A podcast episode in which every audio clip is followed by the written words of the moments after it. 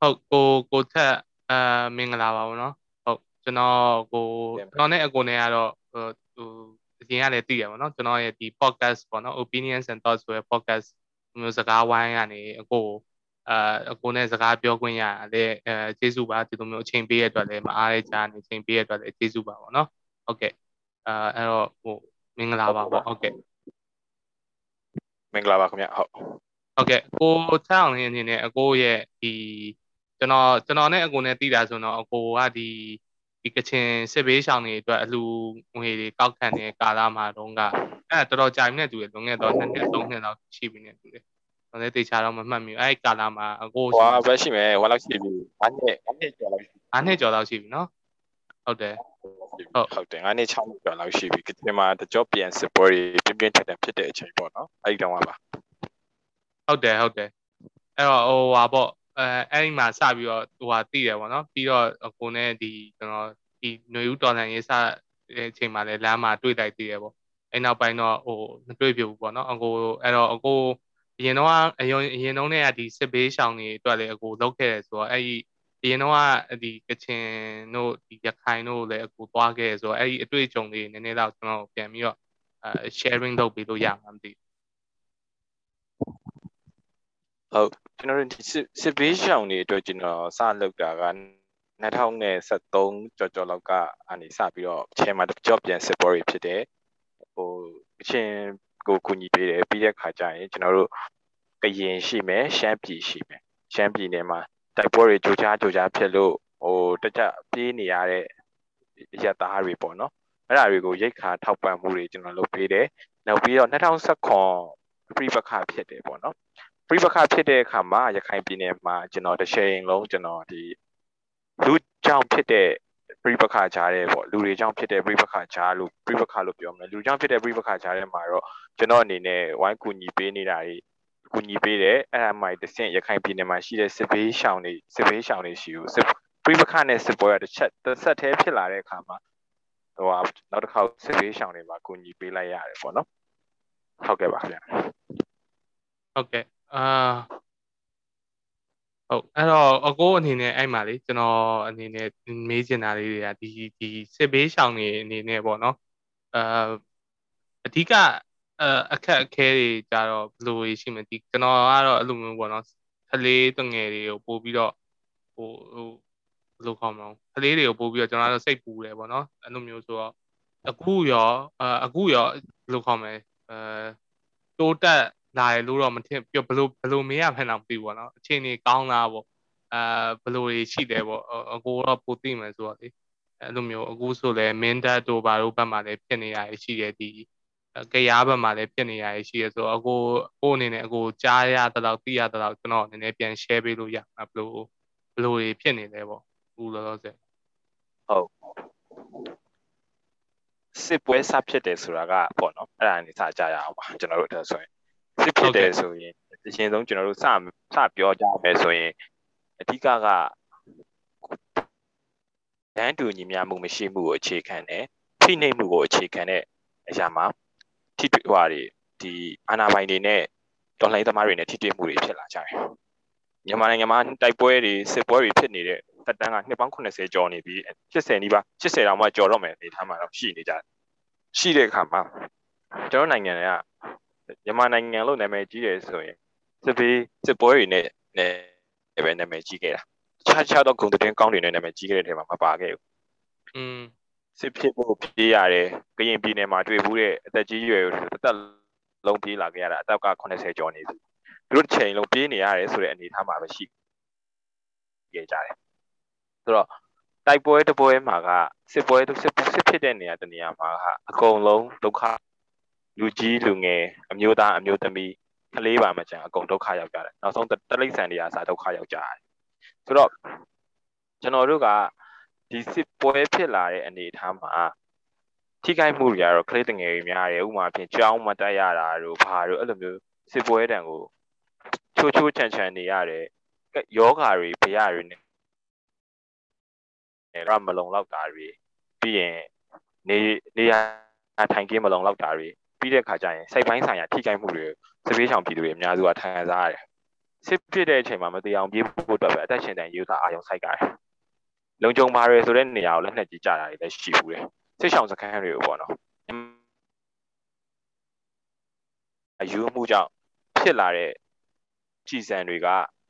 လက်နက်ကြီးတွေကပြည်သူတွေရှိကိုတိုက်ရိုက်ထိတွေ့လာတယ်။อืมဘုံမျိုးတစ်မျိုးမှာကိုယ့်ရဲ့လွတ်လပ်ခွင့်ကိုယ့်ရဲ့ တရားမျှတမှုကိုကိုယ့်ဘာကိုဖန်တီးခွင့်ရှိတယ်။မတရားဘူးဆိုရင်ပြောဆိုပိုင်ခွင့်ရှိတယ်။ဒါတော်လိုင်းသမားတွေရဲ့အပြစ်မဟုတ်ဘူး။အဓိကဖိနှိပ်သူရဲ့အပြစ်ဖြစ်တယ်။ဆိုတော့ကျွန်တော်တို့ရဲ့ data တိုင်း data တိုင်းမှာအခုဆိုရင် data တော်တော်များများဟာတိုက်ပွဲဆိုတဲ့ဟာနဲ့ရင်းနှီးနေကြပြီ။ချင်းပြည်မှာလည်းဖြစ်လာပြီ။ရခိုင်ပြည်နယ်ရင်းနှီးဖြစ်တဲ့ရခိုင်ပြည်နယ်မှာလည်းဖြစ်လာပြီ။အဲ့ဒါဘာဖြစ်လို့လဲလို့မေးရင်အဲ့ဒါက အုတ်ချုပ်ခဲ့တဲ့စစ်အာဏာယူခေါင်းဆောင်တွေရဲ့မိုက်မဲမှုလို့ဒါကျွန်တော်တို့ပြောလို့ရတယ်။ခေါင်းဆောင်တွေဟာတစ်ချိန်လုံးအကျိုးစီးပွားကိုကိုကျိုးစီးပွားကိုအခြေခံတဲ့ပြည်သူအခြေခံတဲ့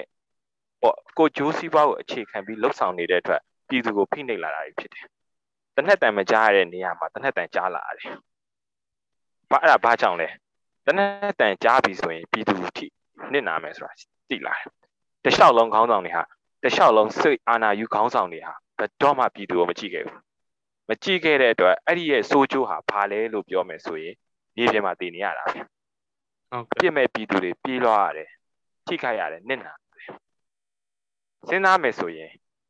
မြန်မာစစ်တပ်အာဏာယူစစ်တပ်ဟာ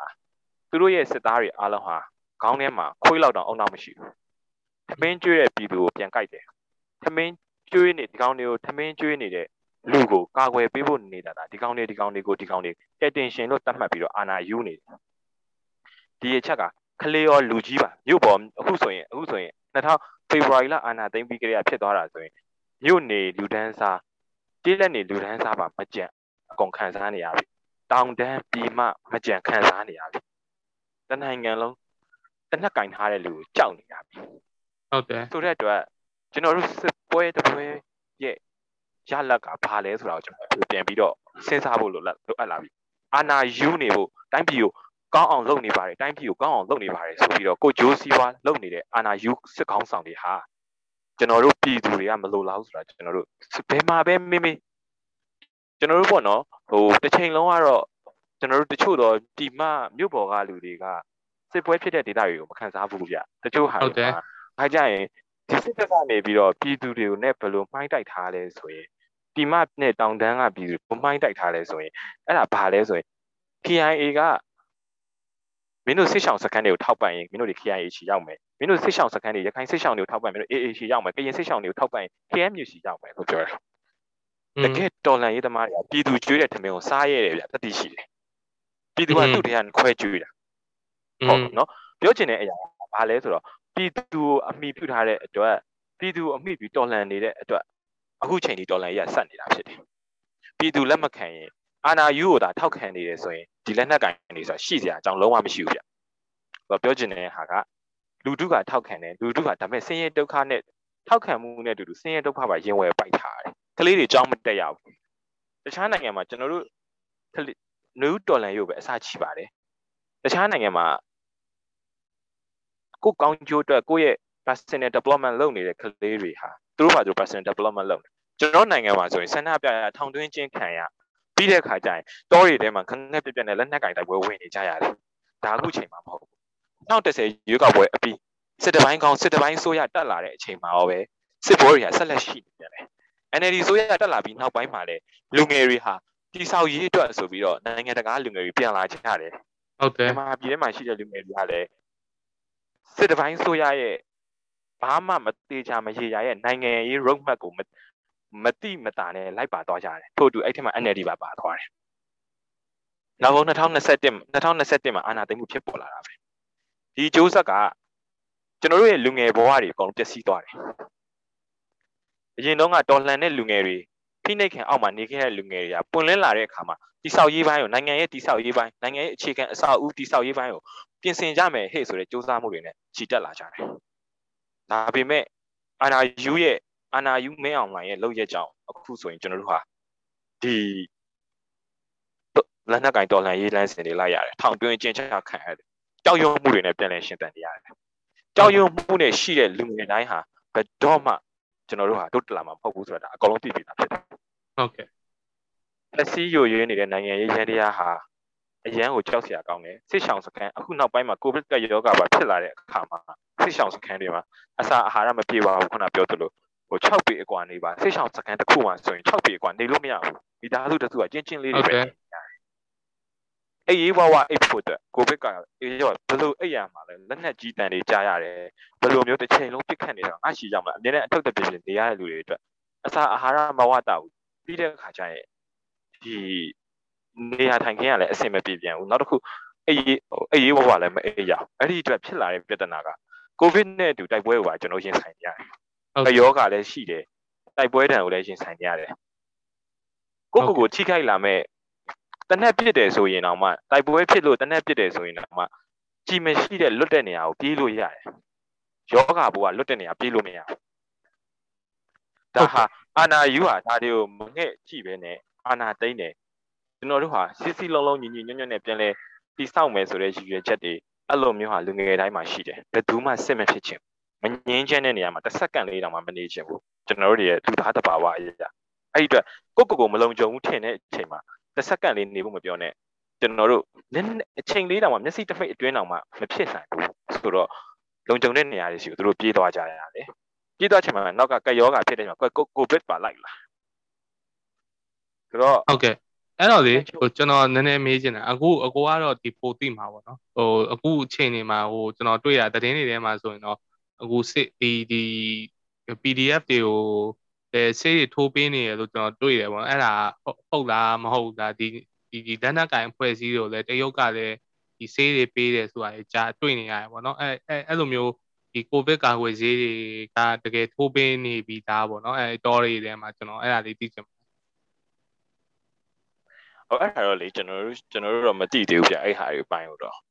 ဟိုတရုတ်ကတော့လက်နက်ကင်ဖွဲ့စည်းတွေကိုထောက်ပံ့နေဆိုတာတော့ဥပမာအဖြစ်သိချင်တယ်ဆိုရင်ယောဂကိုဟိုဥပမာအဖြစ်ပေါ့ဗျာခမားရဲ့အိမ်ရလုံခြုံတယ်ပေါ့နော်ပြီးတဲ့ခိုင်ခမားဘေးအိမ်ရကိုဗစ်ကိုပြင်းပြင်းထန်ထန်ခမားဘေးအိမ်ကိုခမားကိုကောင်းအောင်လုပ်ပေးရမှာပဲလေနော်ဒါဘာကြောင့်လဲတော့ဟိုခမားကိုမထိခိုက်လာအောင်ပေါ့ပါဟိုဟုတ်တယ်မထိခိုက်အောင်ပဲမထိခိုက်အောင်လည်းကြိုတင်ကာကွယ်ခြင်းတစ်မျိုးပါပဲ ဒါကတော့တရုတ်ကအဲ့လိုမျိုးဒီတိုင်းလက်နက်ကင်တွေပြီးတော့နေသက်တစ်လျှောက်မှာရှိတာကကြတော့တိုင်းသားလက်နက်ကင်တွေပဲရှိတာအဲ့တော့ကြိုတင်ကာကွယ်တဲ့အနေနဲ့ပြီးမယ်ပြီးတယ်လို့တော့ထင်ပါတယ်ကျွန်တော်အနေနဲ့တော့ဟို MUG ကကိုဗစ်ကာကွယ်ဆေးထိုးတာတော့ကျွန်တော်ပြောဦးပြအဲ့ဒါတော့ကျွန်တော်တို့ကျွန်တော်တို့လည်းဟိုတပုံပဲမြင်ရသေးတယ်ဟိုမြေပြင်က PDF တွေနဲ့လည်းထိစက်မှုကကျွန်တော်တို့အားနေတယ်အားနေတယ်ဆိုတာကဘာလဲဆိုတော့ဟိုကျွန်တော်တို့ကဟိုမြို့ပေါ်မှာနေတယ်ပေါ့နော်ဒါပေမဲ့ ဒီမြေပြင်မှာရှိတဲ့ PDF တွေကကြတော့တောထဲမှာနေရတဲ့အတွက်ကိုတော့တည်င်းတော့ကြားတော့ကြားတာပေါ့ဒါပေမဲ့လက်တွေ့မြင်မြင်ရတဲ့အတွက်ကျွန်တော်နေရန်တက်မပြောချင်ဘူးဗျอืมဟုတ်ကဲ့ဟိုဟာလေအဲဟုတ်ကဲ့ပါအဲ့တော့ဒီဟိုတောက်လျှောက်ပေါ့နော်ဒီဒီစစ်ဘေးရှောင်စခန်းတွေမှာကကြတော့ကျွန်တော်တို့ဟိုဘယ်လိုခေါ်မျိုးပေါ်နေလူလူတန်းလူမျိုးပေါ်မှာနေတဲ့လူတွေကတော့အသေးစိတ်တော့ဟိုအကုန်လုံးသိချာမသိနိုင်ဘူးပေါ့နော်ဒီသတင်းတွေ အဲတွေ့နေရသတင်းတွေကနေဒီ Facebook တို့ဘာတို့ကနေပဲဟိုတင်တဲ့ဟာတွေပဲတွေ့ရတယ်ဆိုတော့လေအဲအဲ့ဒီထဲမှာမှဘယ်ဘယ် source တွေအခုအနေနဲ့ပေါ့နော်ကျွန်တော် recommend လုပ်ရမယ်ဆိုရင်ဘယ်လိုဘယ်လိုအဲဘယ်လိုသတင်းအဲဌာနတွေဘယ်လို page တွေကတော့ယုံကြည်ရနိုင်တယ်ပေါ့အဓိကကျွန်တော်တို့မှာအခုချိန်မှာလှူလှူမယ်ဆိုရင်တော့မှဘယ်ဘယ်ကနေဘယ်လိုလှူရမလဲဘယ်လို support ပေးရမလဲအဲ့ဒီဟိုပါပေါ့ယုံကြည်ရတဲ့စိတ်ချရတဲ့တန်းကြောင်းတွေရတယ်ဟို ပြောရရင်ခတ်တယ်ပေါ့နော်ခတ်တယ်ဆိုတော့အဲအဲ့ဒီဟာကိုကိုကဘယ်လိုအဲဘယ်လိုသိနိုင်မလဲပေါ့အဓိကတော့ဗျအဲ့ဒီ data ခံအဖွဲ့အစည်းတွေနဲ့ချိတ်ဆက်ပြီးသွားတာကောင်းပါတယ် data မှာ space ရှောင်းနဲ့ပတ်သက်ပြီးဝင်ညီနေတဲ့အဖွဲ့အစည်းတွေလည်းရှိကြပါတယ်သူတို့နဲ့ချိတ်ဆက်ပြီးသွားတာကောင်းပါတယ်ဘာကြောင့်လဲဆိုတော့ကျွန်တော်တို့ကဟိုဘာလဲဆိုတော့ဒီ space ရှောင်းတွေကူညီတဲ့လမ်းကြောင်းမှန်သမျှကိုဖက်တောက်တာတော့ဒါဟာဒီစစ်ကောင်စီအာဏာယူတွေရဲ့လုပ်ရက်ပါပဲ စစ်ပေးချောင်စခန်းတွေရှိကိုရိတ်ခါမရအောင်ဖက်တယ်စိတ်စစ်ပေးချောင်စခန်းတွေကိုအစင်မဲ့ဟိုအစင်မဲ့ပြောင်းသူတွေလုပ်တယ်သူတို့တွေအနေနဲ့စစ်ပွဲမရှိဘူးဆိုပြီးတော့ဒီကောင်တွေမျက်နှာကြီးမျက်နှာတာလုပ်ချင်တဲ့အတွက်စစ်ချောင်စခန်းတွေရှိရိတ်ခါဖက်တယ်သူတွေကတမင်မစားလို့မရဘူးဆိုရင်သူတွေဟာစစ်ကောင်စီကိုအကိုလာမယ်ဆိုတော့ဒါတော့ရိုင်းဥပဒေဆန်သွားပြီကြီးနိုင်ငံချင်းဟွာတာကိုအခြေခံသွားပြီဆိုတဲ့အတွက်ကိုလူထုကိုပါဆာငတ်ပြအောင်လုပ်တာပေါ့အဲ့လိုမျိုးလုပ်တဲ့အကောင်တွေကဒီကျွန်တော်တို့လှူဖို့ဆိုရင်တော့ဒေတာကန်တွေဟာဒေတာကန်ကအဖွဲ့အစည်းတွေဟာစစ်ချောင်းစကန်ခိုးလူ ဒီကောင်တွေမရှိနိုင်ဘူးဆိုတဲ့လမ်းကြောင်းတွေကနေပစ္စည်းတွေကိုခက်ခက်ခက်ခဲနဲ့တည်ရတယ်ဆွေးချောင်စခန်းအမျိုးသားတွေဟာဆန်အိတ်တွေကိုဝေးတဲ့အမှန်တမ်းပြောမယ်ဆိုတော်တော်ဝေးတဲ့နိုင်ပိုင်းအဖြစ်3နာရီ4နာရီ5နာရီအဲ့လောက်နေပိုင်းရှိတဲ့နေရာတွေအထိကိုသူတို့ကိုသူတို့သူတို့မိသားစုစားဖို့တော့ဆန်အိတ်ကြီးထမ်းပြီးတော့သွားကြရမိုးတွေရွာရာသီဥတုဆိုးရတဲ့တန်တောင်တွေဖြတ်ကျော်ရေတွေကြီးအဲ့ကြားတွေဟာသူတို့စ조사နေကြရတယ်သူတို့ရှိကိုရောက်တဲ့မိုးကစားတစားတမိုးရင်ရှိတယ် အရင်ရာသီဥတုဆိုးရတဲ့အခါမှာသူတို့ရဲ့ကလေးတွေအတွက်လုံခြုံမှုကိုပေးနိုင်တယ်ဆိုတဲ့တော့ပေါ့ဟိုဒေတာကန်ဖွဲ့စည်းနေနဲ့လောက်ပါကိုတိုင်သွားမယ်ဆိုရင်အခက်မတင်ဖမ်းအောင်ခံရနိုင်ပါတယ်ခုနကျွန်တော်အစစကားကိုကျွန်တော်ပြောနေပြောပြန်ဆက်မယ်ဆိုရင်စစ်ဆောင်စကားကိုထောက်ပံ့နေဆိုစစ်အာနာယူစစ်ကောင်စီကဘာမြင်လဲဆိုရင်ဒီကောင်ကဒါဟာတပုံကိုထောက်ပံ့နေတာဒါလက်နက်ကင်ကိုထောက်ပံ့နေတယ်ဆိုရင်အမြင်နဲ့မြင်ရပါတယ်ဒီနေ့တော့ကိုကိုလိပ်ပြကိုမလုံးနဲ့ပြည်သူဖြတ်ပြောတာ sorry ပါဒီစစ်ဆောင်စခန်းပေါ့နော်စစ်ဆောင်နဲ့ civilian တော့ဒီရိုးရိုးတာမန်လူတွေနဲ့ခုနလိုပြောသူဟိုဥမာထားပါတော့နော်ဒီလက်နက်ဆွဲကင်ပြီးတော့တိုက်ခိုက်နေတဲ့အဖွဲ့တွေနဲ့ကို तू ကနှစ်ခုစလုံးကို तू ကတစ်ခုတည်းဆိုပြီးတော့သူတို့ကတတ်မှတ်ပြီးတော့ဟိုတတ်မှတ်ပြီးသဘောထားတဲ့ပုံစံမျိုးပေါ့နော်အဲ့လိုမျိုးပြောရမှာဟုတ်တယ်ဗျဟုတ်တယ်ဗျအခုပြောတာမှန်တယ်ဗျဘာကြောင့်မို့သူတို့ထင်တာလဲဆိုတော့ဟိုပထမအောင်ပြောခဲ့တဲ့စကားပြောတော်လန်ကြီးကပြည်သူတွေကနေပေါ်ဖော်လာတာဖြစ်တယ်ဆိုတဲ့အတွက်ကိုလက်နက်ကင်နဲ့ လူတွေကလည်းပြည်သူတွေပဲဖြစ်တယ်อืมဒါကြောင့်မို့ဒီကောင်တွေဟာဒီကောင်တွေကပြည်သူကိုဖိနှိပ်ထားတာလေဟုတ်ကဲ့နော်လက်နက်ကင်တွေကပြည်သူတွေဖြစ်တယ်ဒါပြည်သူတွေကပေါက်ဖွာလာတဲ့တော်လန်ရေးသမားတွေဖြစ်တဲ့အတွက်ကိုဒီကောင်တွေကပြည်သူဟာလည်းအမှန်တိုင်းပြောမယ်ဆိုရင်တော့ဗျာဟိုကိုလိပ်ပြကိုမလုံတဲ့အခါမှာမဲမဲမြင်ရရှောက်ပြီးမဲတဲ့ပုံစံမျိုးတဲ့အခါမှာအရက်သားစစ်ပလေးရနေထိကုန်တဲ့ပုံစံမျိုးပါဒါကတော့အဓိကကိုယ့်ရဲ့ခုကိုယ့်လိပ်ပြကိုမလုံတဲ့ပြဿနာပါအဲ့အတွက် တော်လန်ရေးကပေါက်ပြည်သူတွေကပေါက်ဖွာလာတဲ့တော်လန်ရေးကိုဒီကောင်တွေကအမဲဆက်လို့မြင်ပြီးဒီကောင်တွေပြဿနာရှာတယ်အဲ့ဒီမှာတဲတဲ့ကျွဲကူးရေပါဟိုပါပါသွားတယ်ပြည်သူတွေပါပါသွားတယ်ဗျ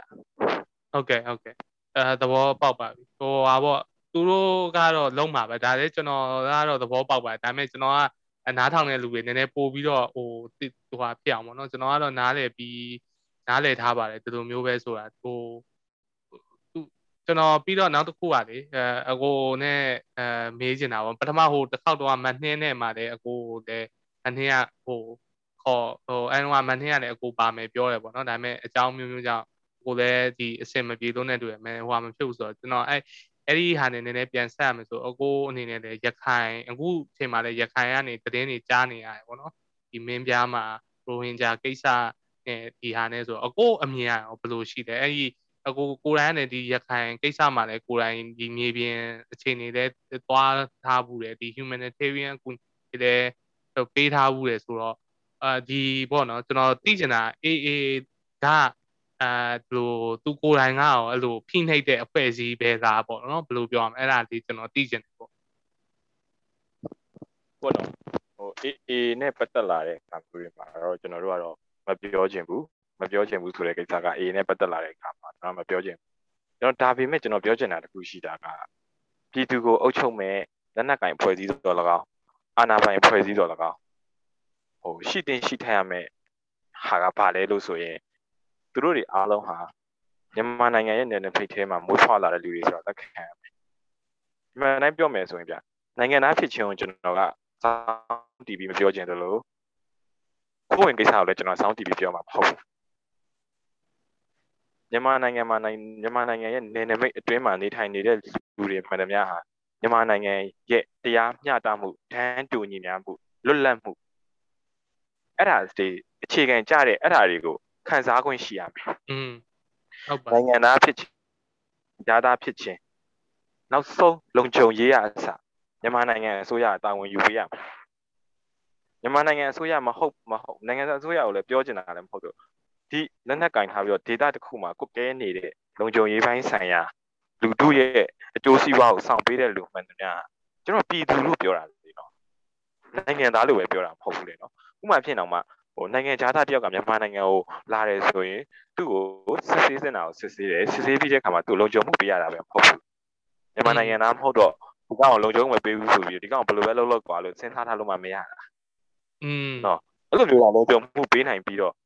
မြန်မာနိုင်ငံအတွင်းမှာမွေးဖွားလာနယ်နိမိတ်ထဲမှာမွေးဖွားလာတဲ့လူရိုဟင်ဂျာတွေကိုကြတော့လုံခြုံမှုမပေးနိုင်ရတာလေဆိုရင်ဟာဘေးကုန်းထုတ်ဆရာရှိတယ်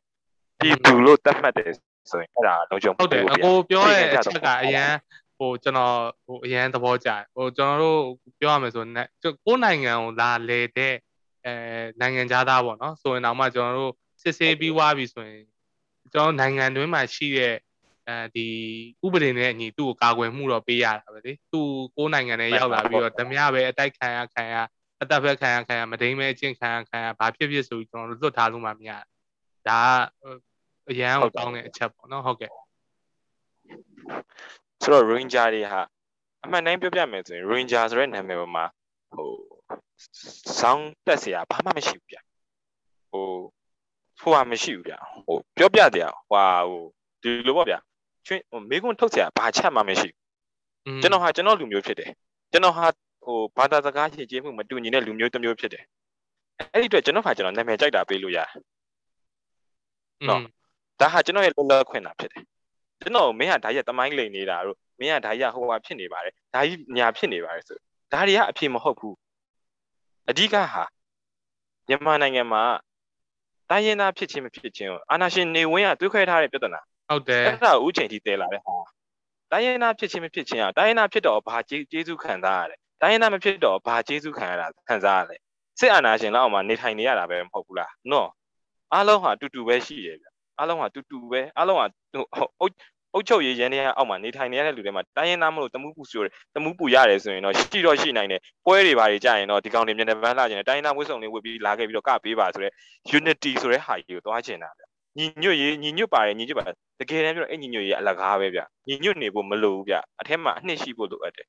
ဟုတ်တယ်တောင်တန်းနဲ့ပြီးမှအားလုံးဟာတီးခြားတဲ့နေထိုင်နေထိုင်ခဲ့ကြတဲ့ဟာမျိုးတွေနေထိုင်ခဲ့ရတဲ့ဟာမျိုးတွေမှာသူ့နိုင်ငံနဲ့သူတန်ဖိုးသူ့သူ့နေရာနဲ့သူတန်ဖိုးထားစံတုံးတွေရှိတယ်ဥမာအဖြစ်ဗျရန်ကုန်နဲ့မန္တလေးတောင်မှာစံတန်ဖိုးမတူနိုင်ဘူးလေဗျမန္တလေးကဟိုနမ်းမြို့ရိုးရိုးကိုချစ်ချင်ချစ်နိုင်တယ်ရန်ကုန်ကလည်းရွှေတကုံကိုချစ်ကောင်းချစ်နိုင်တယ်အဲ့စံတန်မိုးတွေကိုလိုက်ပြီးတော့မပြောနဲ့လေနော်သူသူရဲ့ တန်မိုးထားတဲ့အရာတွေလိုက်ပြောစရာမလိုဘူးလေနော်ထို့သူအမြင်နာမှတတ်မှတ်ခြင်းပါလေအဲ့ဒါလည်းပါတယ်ဆိုတော့ပြန်ချုပ်မယ်ဆိုရင်ရိုဟင်ဂျာကိစ္စဟာအဓိကပြောမယ်ဆိုရင်ပြိပခဖြစ်ဖို့အတွက်တိုင်းပြည်နိုင်ငံမှာစုပူမှုတွေဖြစ်ဖို့အတွက်ကိုစစ်ကောင်စီကဖန်ဆီးတာဖြစ်တယ်စစ်တပ်ကဖန်တီးတာဖြစ်တယ်လို့ဟိုစစ်တပ်ကအပြင်ကိုနောက်ပြီးလူထုကြားတဲ့တွေးခေါ်ဖို့အတွက်အမျိုးသားရေးအစွန်းရောက်တွေကိုမွေးထုတ်ပေးလိုက်တာချင်းပြထုတ်ပေးလိုက်ချင်းတာဖြစ်တယ်ကျွန်တော်တို့နိုင်ငံမှာဘာဖြစ်နေလဲဆိုတော့အစွန်းရောက်တဲ့အစွန်းရောက်တယ်အစွန်းရောက်တယ်လို့ပြောချင်တာကဂျိတ်နှစ်ဖက်ဆိုတာ ဂျိတ်ကနှစ်ခုလုံးမှရှိတာဗျမွတ်စလင်ပဲဖြစ်ဖြစ်ဘာသာတိုင်းကအစွန်းရောက်လို့မရဘူးအစွန်းရောက်ပြီဆိုရင်ပြဿနာရှိတယ်ဒါကပြောပြတာဗုဒ္ဓဘာသာမှာလည်းအစွန်းရောက်လို့မရဘူးအစ္စလာမ်မှာလည်းအစွန်းရောက်လို့မရအဲ့ဒါကြောင့်ဟိုအစွန်းရောက်ချင်းချင်းညှိတဲ့ပြဿနာတစ်ခုလည်းပါတယ်အဲ့ဒါကရိုဟင်ဂျာရုပ်အခြေခံပြီးတော့အစွန်းရောက်တွေချင်းချင်းညှိကြတာညှိကြပြီးတော့အဲ့ဒါတိုင်းပြည်ကိုပြိုကွဲခြင်းအစလို့ပြောလို့ရနိုင်တယ်ဘာကြောင့်လဲဆိုတော့အာနာရှင်မှန်တယ်များဟာသူတို့အုပ်ချုပ်ခွင့်ရဖို့အတွက်ကိုခွဲခြားပြီးတော့လူထုကိုခွဲခြားဆက်ဆံမှသာလေအုပ်ချုပ်ခွင့်ရမှာဘာကြောင့်လဲဆိုတော့ဒီကောင်တွေမှာဉာဏ်ပညာမရှိတဲ့အတွက်ပဲ ဟုတ်ပါအဲ့ဒီအတွက်လူထုခွဲခြားထားတယ်အဲ့ဖြစ်ချင်တာ private ဟာလူထုကိုခွဲခြားထားတာဟုတ်ပါတယ်ဟုတ်ပါတယ်ပြောချင်တာတော့အဲ့ဒါဟုတ်ပါတယ်ပြန်ပြောချင်တာတော့ရိုဟင်ဂျာကြီးကခွဲခြားပြီးအုပ်ချုပ်ဖို့အတွက်ဉာဏ်ပညာမရှိတဲ့ကောင်တွေစီစဉ်ထားတာသာဖြစ်တယ်ဟုတ်ပါဟုတ်ကဲ့ဟိုဟိုဟာပေါ့ဒီဒီလိုအခုလိုမျိုးဟိုဟာပြောပြကျေးဇူးပါကျွန်တော်ဟိုဟာပေါ့ဘယ်လိုပြောရမလဲကျွန်တော်အနေနဲ့လည်းပြောရမယ်ဆိုရင်ဒီဒီကျွန်တော်တို့နိုင်ငံမှာရှိတဲ့အဲ့ဒီလိုမျိုးအစွန်းရောက်တဲ့အတွေးခေါ်ရှိတဲ့လူတွေကိုရော အခုအနေနဲ့ဘယ်လိုဘယ်လိုမြင်လဲပေါ့နော်ကျွန်တော်ဘယ်လိုပြောရမလဲဟိုရှင်းရှင်းရှင်းရှင်းပြောရမယ်ဒီဟာအဲကလားဆိုရင်မုန်းတယ်ဆိုတော့လူတွေကတကယ်ရှိတယ်ပေါ့နော်ဒါဆိုကျွန်တော်အပွင့်နေဆုံးပြောတာဟိုဟိုအဲဟိုအဲအဲ့လိုမျိုးလူတွေကြတော့ကျွန်တော်တို့ကဘယ်လိုသွားလုံးကျွန်တော်တို့ရဲ့ society မှာအခုချိန်ထိဒါမျိုးတွေရှိနေသေးတယ်ပေါ့နော် ဟိုမျိုးပေါ်မှာပဲဖြစ်ဖြစ်ဟို online မှာပဲဖြစ်ဖြစ်တွေ့နေရမြင်နေရကြားနေရဆိုတော့အဲအကိုအနေနဲ့အဲ့လူတွေပေါ်ဘယ်လိုမြင်လဲပေါ့ဘယ်လိုသူတို့ရဲ့အတွေးခေါ်ပြောင်းလဲတာအောင်ကျွန်တော်တို့ကဘယ်လိုစူးစမ်းရမလဲပေါ့ဟုတ်ဟုတ်ကဲ့ကျွန်တော်တို့ကလေကျွန်တော်လက်ကိုဖြန့်ကြည့်လိုက်ပေါ့ဖြန့်ကြည့်လိုက်ရင်ကျွန်တော်လက်တွေကမညီဘူးဆိုတာတွေ့ရလေသတိထားပြီလေဒီလိုပဲလူဖွဲ့စည်းမှလည်း ဟိုတချောင်းကတုံမယ်တချောင်းကရှည်မယ်တခုကဖြစ်မယ်ဆိုတဲ့ဟာမှာအသွားလာအတိမ်နဲ့တည်းရှိချက်ဟာမှာဒီဒီလူတွေကိုဘာလို့ပြောချင်လဲလို့ဆိုရင်ဒီလူတွေဟာအမှန်တိုင်းပြောမယ်ဆိုရင်ဒီလူတွေကလူသားတွေအတွက်မဟုတ်ဘူးဗျอืมနောက်တစ်ခုအနေနဲ့ကလည်းသူတို့ရဲ့ဘာသာအတွက်မဟုတ်ဘူးဗျအဓိကသူတို့ရဲ့အတ္တအတွက်ဖြစ်တာอืม အတ္တအတ္တဆိုတာအတ္တသူတို့ရဲ့အတ္တကိုအခြေခံပြီးတော့အရာရာတိုင်းကိုစဉ်းစားတာ ဒီလူတွေကလူဖွဲ့စည်းအတွက်ဒီလူတွေကဘာတွေလဲလို့ပြောရင်ပေါင်းပင်မြက်ပင်တာတာတာဖြစ်တယ်။อืมဘာကြောင့်လဲဆိုတော့ဉာဏ်ပညာမဖွင့်ဖြိုးလာတဲ့လူတွေပေါ့ဗျာလောကနေတီကိုမသိဘူးလူချင်းဝက်ကိုမသိဘူးလူသားဖြစ်တည်မှုစံနှုန်းကိုလက်မခံဘူးသူတို့ရဲ့လက်တောင်မှမညီတဲ့ဟာကိုသူတို့ဟာ ဘသူတွေကိုငါတို့အကုန်လုံးဒီနိုင်ငံဟာမြန်မာနိုင်ငံဖြစ်တဲ့အတွက်ဗုဒ္ဓဘာသာပဲဖြစ်ကြမယ်ဆိုတဲ့မောင်နှုရဲ့ကြိုက်သွင်းခဲ့တဲ့ဟာကအဲ့ဒီဥနုပေါ့နော်ဥနုရဲ့ကြိုက်သွင်းခဲ့တဲ့အုံဒီ ideology အခုမြန်မာအခုချိန်ဒီနိုင်ငံတော်ဘာသာကိုဗုဒ္ဓဘာသာဖြစ်ပြီးတော့ဗုဒ္ဓဘာသာအနည်းဖြစ်သတ်မှတ်ပါတယ်ဆိုတာ okay ဟုတ်တယ်အဲ့ဆိုရင်ကျွန်တော်တို့ကမြန်မာနိုင်ငံကို emphasize လုပ်ပြီးတော့ပဲပြောမယ်ဗျာနော်ကျွန်တော်တို့ဘာကြောင့်လဲဆိုတော့ဒီဘက်ကျွန်တော်တို့ဘက်မှာလည်းတချို့တော့ဟိုဘာသာရေးအစွမ်းရောက်အဖွဲ့တွေပါလေတချို့ဟာတွေလည်းရှိကောင်းရှိတယ် ဒါပေမဲ့မြန်မာနိုင်ငံကဗုဒ္ဓဘာသာတွေကိုအရင်အရင်ပြောချင်တယ်ဘာကြောင့်ပြောချင်တာလဲလို့ဆိုရင်လူများစုဖြစ်တဲ့အတွက်ပဲ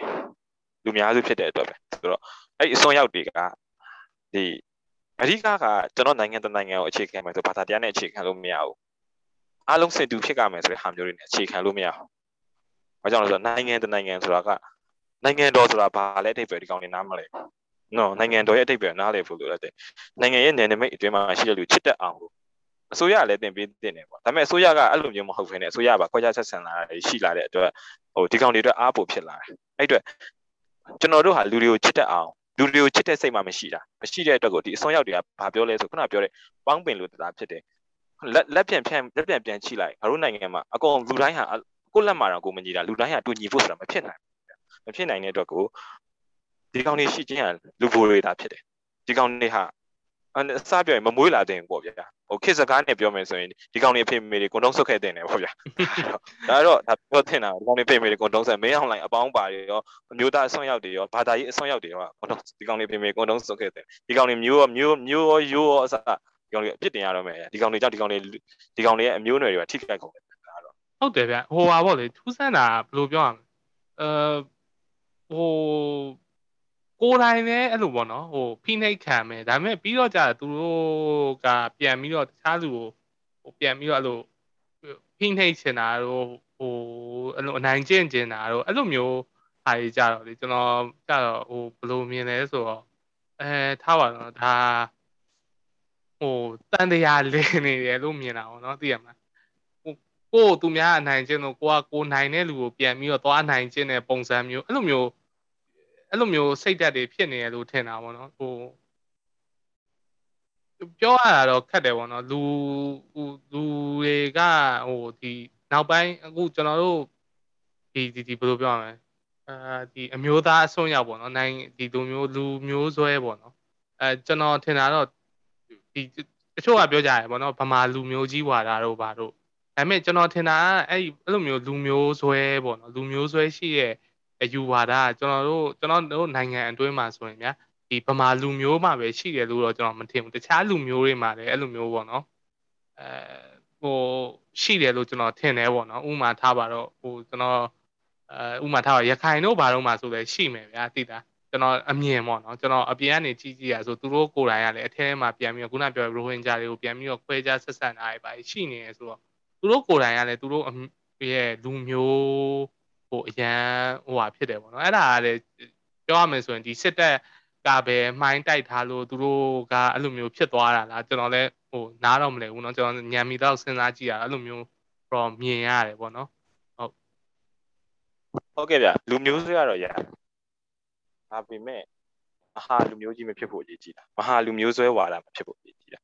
ငါသားလည်းမြင့်မြတ်တယ်ငါသားလည်းဟိုငါသားလည်းကောင်းမွန်တယ်ငါသားလည်း ဒီချုပ်ချာအာဏာကိုရတဲ့တယ်ငါသားလည်းဒီနိုင်ငံကိုကာကွယ်ရမယ်ဆိုတဲ့ဒီနိုင်ငံရဲ့အရေးဟာငါရဲ့အောက်ကပဲငါတို့ရဲ့အောက်ကပဲရှိရမယ်ဆိုရင်မဟာဗမာမဟာဗမာမဟာရခိုင်မဟာရှမ်းမဟာကချင်နော်မဟာကရင်လူမျိုးဆွဲဝါဒတွေမရှိဖို့အရေးကြီးတာအဓိကကအားကြီးတဲ့လူကနိုင်ယူမဲ့စတန်းဆိုရင်ဒါဟာတောထဲမှာပဲသွားနေလိုက်ကြတော့လူဖွဲ့စည်းမှာလာမနေနဲ့ဆိုတော့ဒါပြဿနာကဘာလဲဆိုတော့တောထဲမှာဆိုရင်ဥပမာဖြင့်ဗျာ ဟို discovery ထဲမှာကြည့်ဥပမာချင်းတစ်တကောင်ပဲရှိလို့ကျွဲတကောင်ချိတ်ထားတယ်ကျွဲကလည်းအများများဝင်ခွေတာပဲဗျာနော်ဟုတ်တယ်နောက်ပြီးတော့လေဟောခွေးအားတွေကလည်း6កောင်9កောင်လောက်ဆိုရင်လောက်တာပဲပြီးရင်တကောင်နဲ့ကြံခဲ့ချင်းသစ်ကင်လည်းခံရတာနော်ဒါကြောင့်မို့နေရာတိုင်းမှာအားကြီးတဲ့လူကသူသူတို့ရဲ့ဟိုသူတို့ရဲ့အတ္တတွေကို promote လုပ်ချင်တဲ့အခါမှာလူမျိုးကြီးဝါဒကိုသုံးပြကြတယ်ဒါပေမဲ့လူမျိုးဆွဲကပြဿနာမဟုတ်ဘူး လူမျိုးမဟာမဟာလို့ခေါင်းစဉ်တက်လိုက်တဲ့မဟာဆိုတဲ့ဒိတ်ပဲငါတို့ဟာကြီးမြတ်ပါတယ်ငါတို့ဟာဟိုးဘဝေနတိတွေကမသိရင်ပဲဗုဒ္ဓကိုပဲဒီငါတို့မျိုးနွယ်ကဗုဒ္ဓတော်မှာငါတို့မျိုးနွယ်ကတော့ဆင်းသက်လာတဲ့ဒီဇိုင်းတွေပြောလာတာတွေဘယ်ဘရင်ဘယ်ဘရင်ဟန်ငါတို့လူမျိုးဖြစ်ခဲ့တာတို့ဘာလို့အဲ့လိုမျိုးတွေဟစ်ကြွေးလာတာတွေကတမိုင်းကြောင်းကတမိုင်းကြောင်းပဲနော်ဘရင်စနစ်ဆိုတာတရားမျှတမှုလုံးဝမရှိခဲ့တဲ့နေရာဟုတ်တယ်ဒါလူဖွဲ့စည်းပေါ်ကောင်းကျိုးမပေးခဲ့တဲ့နေရာဘရင်စနစ်ဆိုတာနော်ချစ်တယ်ချစ်တယ်ဆိုတာဟို စနစ်ကိုချစ်တာမဟုတ်လူပုဂ္ဂိုလ်ဆွဲပြီးတော့သွားတာဗျလက်တော်မှာကြည့်လို့ရတယ်ထိုင်းကိုကြည့်လို့ရတယ်ဘရင်ကန်ဘရင်စီရင်စနစ်ဆိုကျွန်တော်ထိုင်းကိုပုတ်ကတ်ပြောတာပေါ့နော်ဒါမှန်တိုင်းပြပုတ်ကတ်ပြောတာအရင်တော့ဘရင်နဲ့အခုဘရင်နဲ့ဘာတွေကောဟမှုချက်သွားရှိဖြိသွားလဲနော်လူလူပုဂ္ဂိုလ်တယောက်ကိုအခြေခံပြီးတော့စနစ်တစ်ခုလုံးချက်လိုက်တာအဲ့ဒါမှဒုက္ခရောက်တာပဲဗျအဓိကအဖြစ်ကဘာဖြစ်ရမလဲဆိုရင်ကျွန်တော်တို့ကလူပုဂ္ဂိုလ်ချစ်ကမှာမဟုတ်စနစ်ကိုခင်တွဲရမှာအဲ့အတွက်ဘရင်ကန်စနစ်ကမကောင်းခဲ့ဘူးဒါပေမဲ့မြန်မာတွေမြန်မာနိုင်ငံမှာရှိတဲ့တော်တော်များများဟာ ဗရေတနစ်စနစ်ကိုအခြေခံပြီးငါတို့ဟာတရားမျှတမှုလွတ်လပ်မှုအဲ့ဒါမျိုးတွေကိုအခြေခံတော့ဗရေတနစ်စနစ်ကိုအခြေခံပြီးတော့ငါတို့ရဲ့ကြီးမြတ်မှုတွေငါတို့ရဲ့ဂုဏ်သိက္ခာတွေကိုအခြေခံပြီးတော့ဟိုစဉ်းစားလာတဲ့အခါမှာတမိုင်းဆိုတာလေဥတဲ့လူရေးရင်ရေးတဲ့ဟာဖြစ်တဲ့အတွက်ဟုတ်တယ်ချင်းမှန်ချင်းဆိုတာဘူးကိုထားလိုက်တော့နော်တမိုင်းဆိုတာနိုင်တဲ့လူနိုင်တဲ့လူပြောတာနိုင်တဲ့လူရေးတဲ့ stand နိုင်တဲ့လူရေးတဲ့ stand ဖြစ်သွားတယ်ဗျနော်ဆိုတော့ဟိုပြောမယ်ဆိုရင်ပေါ့ဗျာလူမျိုးကြီးဝါဒဟာအကုန်လုံးမှာရှိတယ်ကြီး data တစ်ခုလူဖွဲ့စည်းထဲမှာအင်အားကြီးမားတဲ့ဟာမျိုးဆိုရင်ရှိတဲ့ကြတာပဲအဲ့ရှိတဲ့ကြမှာမဟာဆိုတဲ့စိတ်ဓာတ်ကိုကိုကိုကိုတွန်းလိုက်မယ်ဆိုရင်တော့ဒုက္ခရောက်သွားနိုင်တယ်ဒါလူဖွဲ့စည်းမှာလည်းအစိတ်တောက်တွေဖြစ်သွားနိုင်တယ်အဲ့ဒါအဲ့ဒီစူးစက်ကဘာလဲဆိုရင် pre-book နဲ့ support တွေတာလည်းအဖတ်တင်လိုက်မယ်လူလူဖွဲ့စည်းကောင်းကျိုးတက်ဖတ်တင်လာမှာဟုတ်ကဲ့ဗျဟုတ်တယ်ကျွန်တော်တို့ဟိုပွင့်နေပြောရနေဒီလူဘယ်လိုပြောရလဲခေပညာတတ်အဖွဲ့အစည်းပေါ့နော်ကျွန်တော်ပွင့်နေပြောကျွန်တော်အတိတချို့ တွေထဲမှာတော့မှဒီ breathing စနစ်ကိုသဘောကျတဲ့အဲအဲ့လိုမျိုးပေါ့နော်သိရမလားအဲ့ဒါကိုပြန်ပြီးတော့တန်းတတဲ့ပုံစံမျိုးတွေပြောတာတို့ဥမာအဲသိရမလား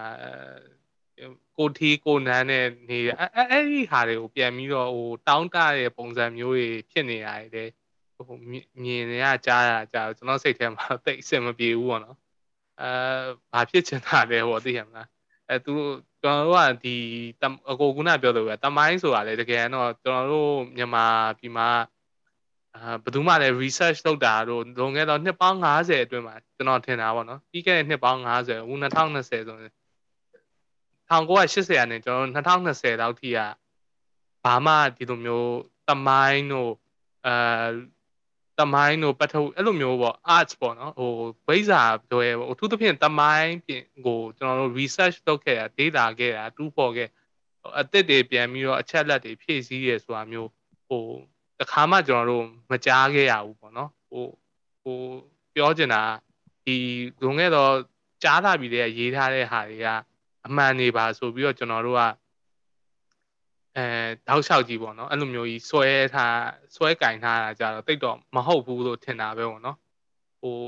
နိုင်ငံတကာမှာဆိုရင်တော့ကြီးလိုက်ရင်ကတမိုင်းတို့ဘာလို့ဆိုတာအများတန်းသူတို့က update လုပ်နေတာပေါ့နော်ကျွန်တော်တို့ရှိမှာအဲ့လို update လုပ်တာဆိုတာလေတိတ်မရှိဘူးပေါ့နော်ပြောအဲ့တော့ဟိုတော်တော်ဆိုးဆိုးရွားရွားပေါ့နော်ကျွန်တော်ကတော့အဲ့လိုမျိုးကျွန်တော်ဒီຫນွေဦးဒေါ်လာရင်ကျွန်တော်တို့ရဲ့ဒီဒေါ်လာရေးကြီးကတကယ်တမ်းပြောရမယ်ဆိုရင်ကျွန်တော်အမြင်ကြတော့ ဒီဟို political revolution တခုတည်းမဟုတ်ဘူးပေါ့နော်ဒီနိုင်ငံရေးရတော်လှန်တာတွေမဟုတ်တော့ကျွန်တော်တို့ကအဲ culture တွေရောဗာရောအကုန်လုံးပေါ့နော်ဟိုသူအကုန်လုံးတော်အကုန်လုံးပြောင်းလဲရမယ်အနေထားပေါ့နော်ဒီလူအဖွဲ့အစည်းမှာဖြစ်နေတဲ့ mindset တွေရောဗာရောအကုန်လုံးဟို revolution ဖြစ်ရမယ်လို့တော့ကျွန်တော်ကတော့မြင်တယ်ပေါ့နော်ဒီတချို့ကြတော့လည်းမဟုတ်စစ်ကောင်စီပြုတ် ပြုတ်ရေးပဲပေါ့နော်အဲ့ဒါအရေးအဲ့ဒါအရေးမကြီးဘူးတော့မဟုတ်ဘူးเนาะကျွန်တော်အမြင်ကြအရေးကြီးတယ်ဒါပေမဲ့တကယ် revolution အစစ်ဆိုရင်ကျွန်တော်တို့ကကျွန်တော်တို့နိုင်ငံမှာကျွန်တော်ထင်တယ်အဲ့လိုမျိုးပေါ့နော်တခြားနိုင်ငံတွေမှာဖြစ်ခဲ့သလိုမျိုးဥပမာဟိုအာဒီစက်မှုတော်လှန်ရေးတို့ဘာလို့ဆိုတာကျွန်တော်တို့ခင်မှာကျွန်တော်တို့မှာမဖြစ်ခဲ့သေးဘူးလို့တောင်ပြောလို့ရတယ်ဒီလိုမျိုးပေါ့နော် cultural revolution ကအခုမှဖြစ်ရမှာတခါတည်းတပေါင်းလေးပေါ့နော် ဖြစ်ရမယ့်ပုံစံမျိုးဖြစ်နေတာပေါ့နော်အဲတချို့ကြတော့လေဒါဟိုနိုင်ငံရေးတော်ပြောင်းလဲမှုတော်လှန်နိုင်ငံရေး political revolution လို့ပဲမြင်တာကြတော့ကျွန်တော်ကတော့အဲ့လိုမျိုးမမြင်ဘူးပေါ့နော်အကုန်လုံးဘက်ပေါင်းစုံပေါ့ political ရော cultural ရောနောက်ဆုံးစုံပြောရမယ်ဆို economic revolution မှာပါတယ်ကျွန်တော်တို့အခုဆိုရင်အဲဒီဒီ covid ဖြစ်တဲ့အချိန်မှာတွေ့ရမှာပေါ့နော် ethic မရှိอ่ะ business ethic ပေါ့နော်ကျွန်တော်စီးပွားရေးကျင့်ဝတ်နဲ့မညီရတဲ့ဒီလိုမျိုး လူအသက်နဲ့ဆိုင်တဲ့ပစ္စည်းတွေကိုဈေးအဆမတင်တင်ရောင်းတာတို့ဘာတို့ဒါတွေကအမ်ပြောရမယ်ဆိုရင်အဲ့ဒါတွေပါအကုန်လုံးပြောင်းလဲဖို့တိုးတယ်ဘလို့ကျွန်တော်ကမြင်တယ်ပေါ့နော်ဟုတ်တယ်ဗျအခုပြောတဲ့ဟာကိုကျွန်တော်လည်းလက်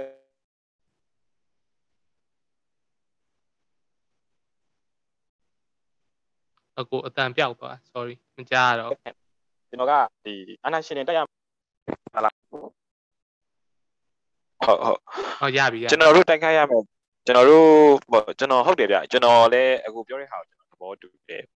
ရင်ကျေးမှုဒေါ်လာကြီးဒေါ်လာမယ်အတွေးခေါ်အားပါစအတွေးခေါ်တွေကစကျွန်တော်တို့တွေကတိုက်ခိုက်ရမယ်ပွဲဗျဟာ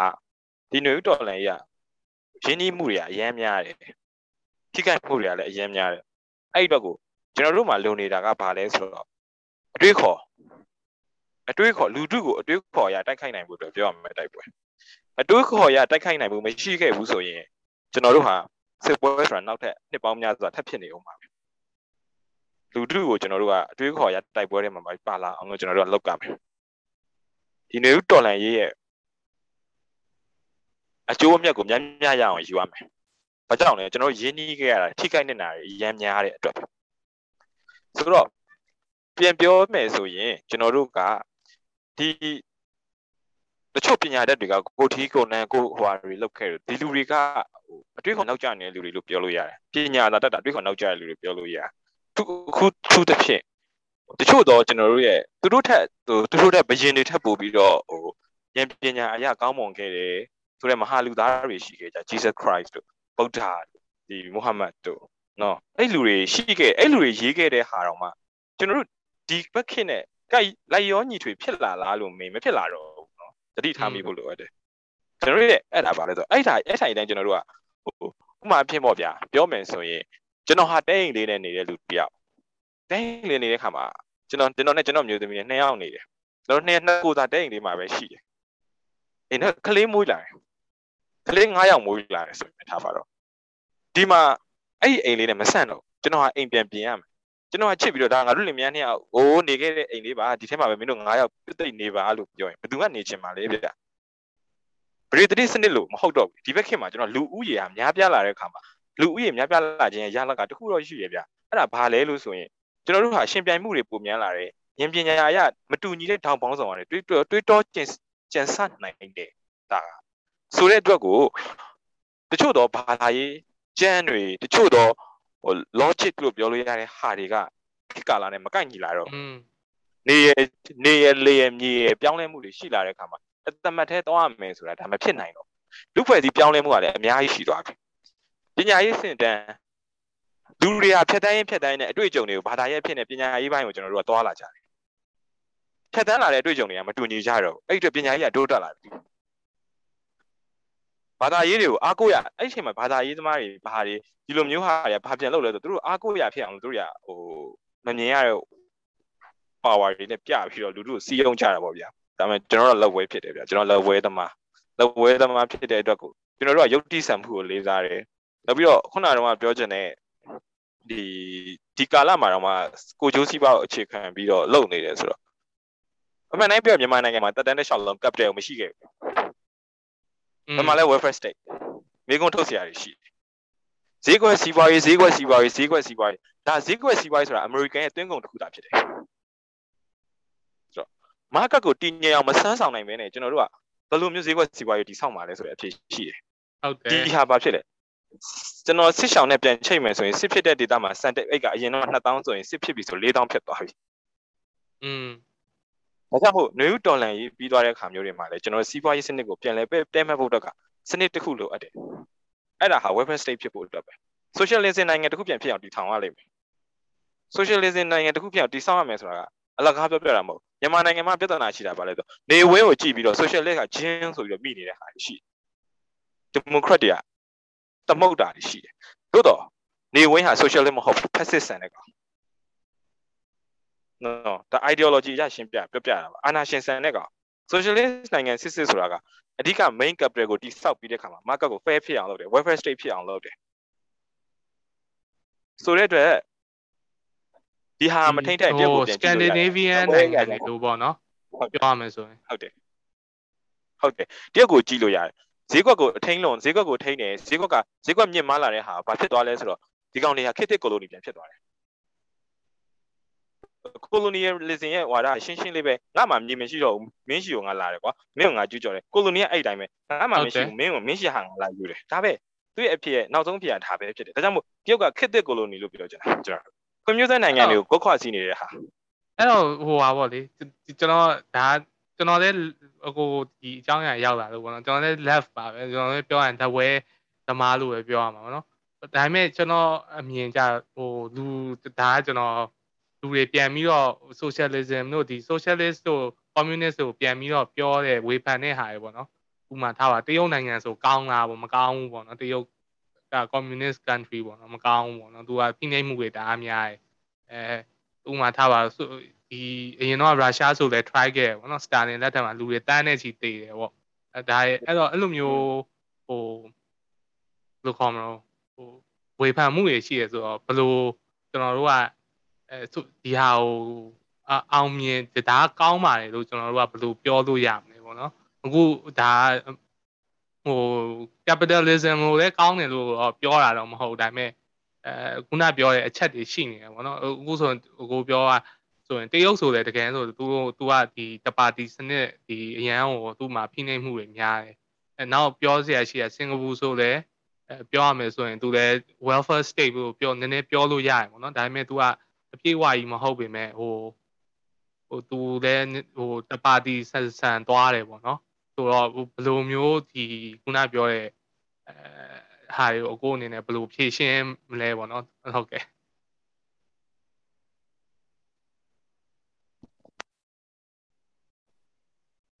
ပြောချင်တဲ့အချက်ရှိရကြအဓိကအာရှနိုင်ငံအများစုဟာအာဖရိကနိုင်ငံတွေအများစုဟာ အရင်တော့ကိုလိုနီနယ်ချက်ချင်းကိုခံခဲ့ရတယ်ဟုတ်ကဲ့ဒီဆောက်ရေးအတွက်အချိန်မရှိခဲ့ဘူးလို့ပြောလို့ရနိုင်တယ်ဒီဆောက်ရေးအတွက်အချိန်မရှိခဲ့ဘူးလို့ပြောလို့ရနိုင်တယ်ဆိုတာကဘာလဲလို့ဆိုရင်ဒီလူတွေရုန်းကန်ခဲ့ရတာဆင်းရဲမွဲတေမှုနဲ့ပဲအခြေခံတယ်ပြောချင်တဲ့အချက်ကဘာလဲဆိုရင်ခဏလေးနော်ဟုတ်ရတယ်ဒီစီ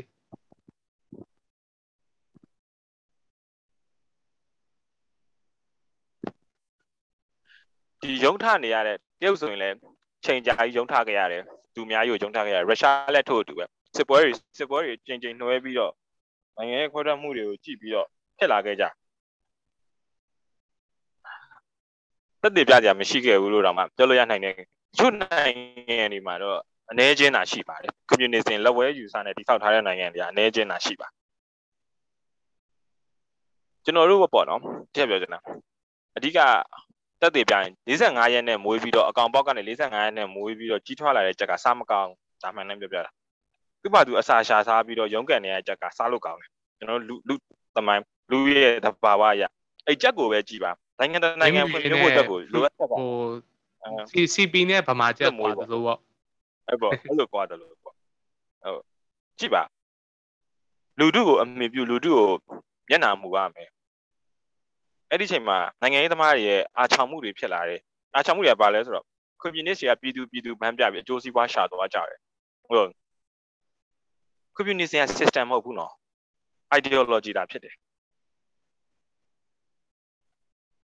ideology တာဖြစ်တယ်ကျင့်သုံးရမယ့်ဟာ socialism socialist စနစ်ကိုကျင့်သုံးရမှာဒါပဲဆိုတဲ့အတွက်ကိုပြည်သူပအောင်ဆွဲခေါ်ဆွဲခေါ်ရင်းနဲ့ပျက်စီးမှုတွေကရှိတာဟို အားလုံးဆိုတော့အဓိက communism ရဲ့ဒီ socialism ရဲ့ဒီအတ္တကြကဘာလဲဆိုတော့အားလုံးကလူသားတွေသာဖြစ်တယ်ဆိုတဲ့ဟာမျိုးအခြေခံထားတယ်လူဆိုတဲ့ဟာကိုမူကိုအခြေခံထားတယ်ဗျပုဂ္ဂိုလ်ရေးကိုအခြေခံထားတာမဟုတ်ဘူးဗျမော်ဝါဒဂါမတ်လီနင်ဘယ်ကျမ်းကိုပဲကြည့်ကြည့်လူလူလူဆိုတဲ့ဟာကိုအခြေခံတယ်လို့ market ကိုဘယ်လိုတိစောက်ထားမလဲဆိုတာအခြေခံတယ်ဗျအနည်းဆက်ဆုံးဖြစ်တဲ့ဟာကိုအခြေခံတယ်အဲ့နိုင်ငံတွေမှာ ဟို BNM ကြည့်မယ် socialist socialist နိုင်ငံပြောလဲ BNM ကြည့် BNM ကြည့်ဟိုတကယ်စိုက်ပျိုးရေးကိုအခြေခံပြီးလုပ်သွားတယ်နော်အခြေခံလူတန်းစားကိုအခြေခံမှ elite ကိုအခြေခံပြီးလှုပ်ဆောင်မယ်ဆိုကျွန်တော်တို့လူဖွဲ့စီပျက်စီးသွားလိမ့်မယ်ရေပေါ်စီလူတန်းစားဘယ်တော့မှအောက်ခြေလူတန်းစားဘယ်တော့မှငှက်ကွက်ခက်တဲ့လူတွေမှာမပါဘူးဗျอืมဆိုအဲ့ဒါကကျွန်တော်ပြောချင်တာ တချို့ကောင်းကျွန်တော်ပြောစကားတချို့သောလူတွေကတော့ကြည်ကောင်းကြည့်မယ်တချို့လူတွေကကြည်ကောင်းကြည့်မှာမဟုတ်ဘူးဒါပေမဲ့ကျွန်တော်တို့ဟာနိုင်ငံတိဆောက်ရေးလမ်းစဉ်စနစ်တစ်ခုတိဆောက်ရေးလူပောင်တိဆောက်မယ်ဆိုရင်အောက်ခြေလူတန်းစားအခြေကိုခံရမယ်အောက်ခြေလူတန်းစားကိုအခြေမခံမဲနဲ့စဉ်းစားတဲ့ ideology မှညာကြာရှည်ကြာရှည်ပြည့်စည်မှာလားအလားတိုက်မှုတွေခဏခဏပေါ်မှာပဲတနက်တန်နေကြားနေရအောင်မှာပဲနော်ထိမ့်သိမ့်နိုင်လားထိမ့်သိမ့်နိုင်လားဆိုကျွန်တော်တို့ရှိမှာအမေရိကအင်္ဂလန် တချို့တချို့သောဟာတွေလည်းကြည့်လို့ရပါတယ်ဖွံ့ဖြိုးဖွံ့ဖြိုးနေတဲ့နိုင်ငံတွေမှာတော့မှပြင်သစ်ကြည့်လေ liberal တက်လာတယ်လေကစီသမားတွေထွက်ပြီးဆန္ဒထွက်ပြကြတာပဲလေမဟုတ်လားอืมအရင်တော့ဟို socialist တွေအုပ်ချုပ်ခဲ့တာလေ socialist party တွေအုပ်ချုပ်ဟိုအစိုးရဖြစ်ခဲ့တာ liberal တက်လာတယ်ကစီသမားတွေထွက်ပြီးဆန္ဒပြကြတယ်ကျွန်တော်ပြောပြမယ်အဓိကကဘာလဲဆိုရင်ကျွန်တော်တငယ်ချင်းတယောက်ကဒီ data မှာဒီ data တငယ်ချင်းတယောက်ကကျွန်တော် data တစ်ခုရောက်တော့တငယ်ချင်းပြောပြဘူး။အ င်းနဲ့နိုင်ငံရေးကောင်းဆောင်တယောက်ကတော်လိုင်းကတော့ငါတို့ဟာဒီနယ်မြေကနေခွဲထွက်မယ်ငါတို့တောင်ကြီးမနဲ့မပေါင်းနိုင်ဘူးငါတို့တွေခွဲထွက်ကြမယ်ခွဲထွက်ကြမယ်ခွဲထွက်ကြမယ်အဲ့ဒီ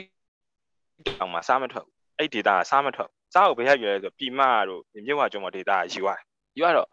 အဲ့နိုင်ငံမှာငါတို့တွေကကိုပိုင်လွတ်လပ်တဲ့အချုပ်ချာအာဏာကိုပိုင်လွတ်လပ်တဲ့နိုင်ငံဖြစ်နေတည်ထောင်ကြပြီငါတို့အလုပ်လုပ်ကြမယ်ငါတို့တွေကလွတ်လပ်မှုအဲ့ပြောနေတဲ့အခါမှာအဲ့ဒီရွာသားတယောက်ကထမိတယ်ဆရာတဲ့ ကျွန်တော်တို့နေ့စဉ်သုံးနေတဲ့စားအုပ်တဲ့ပြီးမှယူနေရတာလေကျွန်တော်တို့နိုင်ငံခွတ်တော့ရင်စားအုပ်ဘယ်သူပေးမှလဲကျွန်တော်တို့ကျွန်တော်နိုင်ငံခွတ်တော့ရင်စားအုပ်ကျွန်တော်တို့မပေးရင်ကျွန်တော်စားမစားရတော့အရင်ထိပ်ပဲရှိတယ်ဟုတ်တယ်လူတို့အခြေခံလိုအပ်ချက်ကိုမသိဘဲနဲ့ကျွန်တော်တို့ဟိုစဉ်းစားလို့မရဘူးဘဂတိအခြေအနေကိုမသိတဲ့နိုင်ငံရေးစဉ်းစားမှုဟာဘဂတိအခြေအနေကိုနားမလည်တဲ့နိုင်ငံရေးခေါင်းဆောင်ဟာတိုင်းပြည်ဖြတ်ဖို့အတွက်ပဲတာဖြစ်တယ် အဲ့ဒါအရန်ကောင်းအကိုအဲ့ဒီဟာကျွန်တော်အရန်သဘောကျဒီလက်တွေ့ဟိုဒီဒီအောက်ခြေခုနအကိုပြောလို့ဆိုတကယ်ဟိုအောက်ခြေလူရန်စားရဲ့အောက်ခြေလူတွေရဲ့အဲလိုအပ်ချက်ကိုမသိဘဲနဲ့ဒီ ideology ကိုပြောနေမယ်ဆိုရင်ဒါ useless ပဲပေါ့အသုံးမဝင်ဘူးလို့ပြောလို့ရတာပေါ့နော်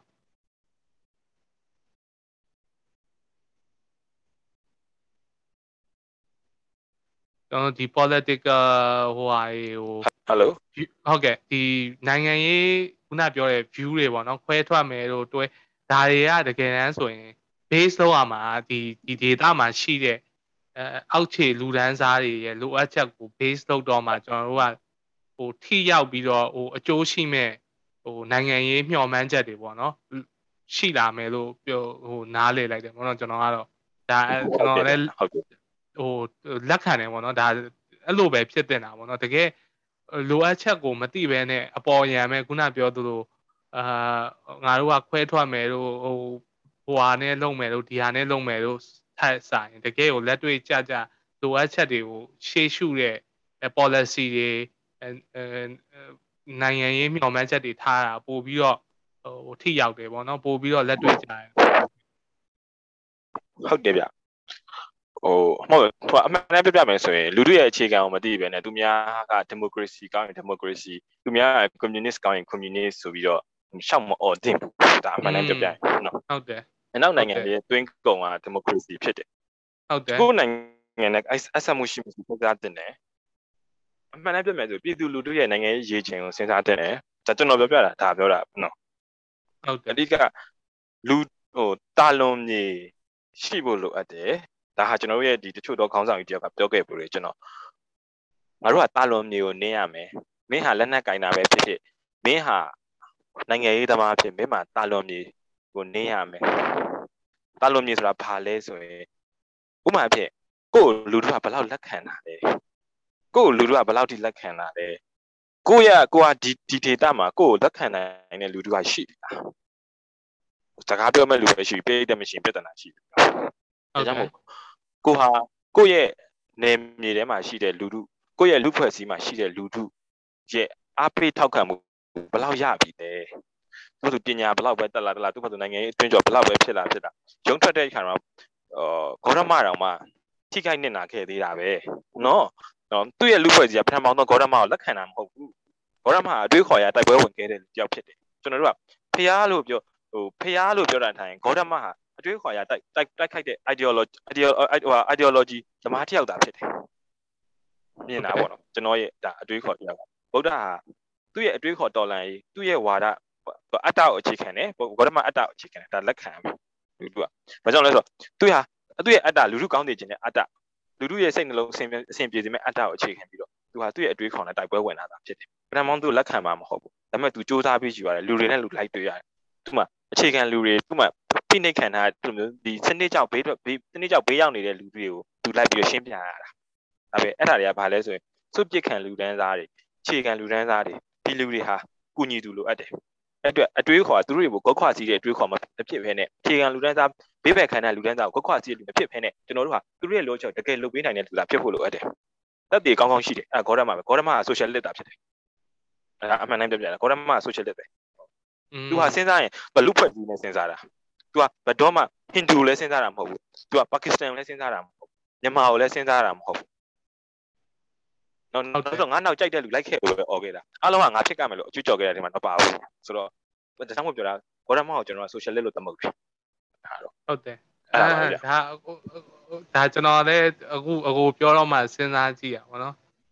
အာဒါသဘောကျတယ်ကျွန်တော်လည်းအဲ့လိုစဉ်းစားရဲဟာဟို နိုင်ငံရေးအဲ့လိုပေါ့နော်အခုဒီဘက်ခေတ်ဒီလိုမျိုး ideology နဲ့ပြန်ဆက်ဆက်မယ်ဆိုရင်ဟုတ်တယ်သူကအဲဒီဒီကျွန်တော်ဂေါတမဗုဒ္ဓကအဲဟုတ်တယ်အဲခုနပြောအကိုပြောခဲ့လို့တူတစ်ဖွဲ့ဟို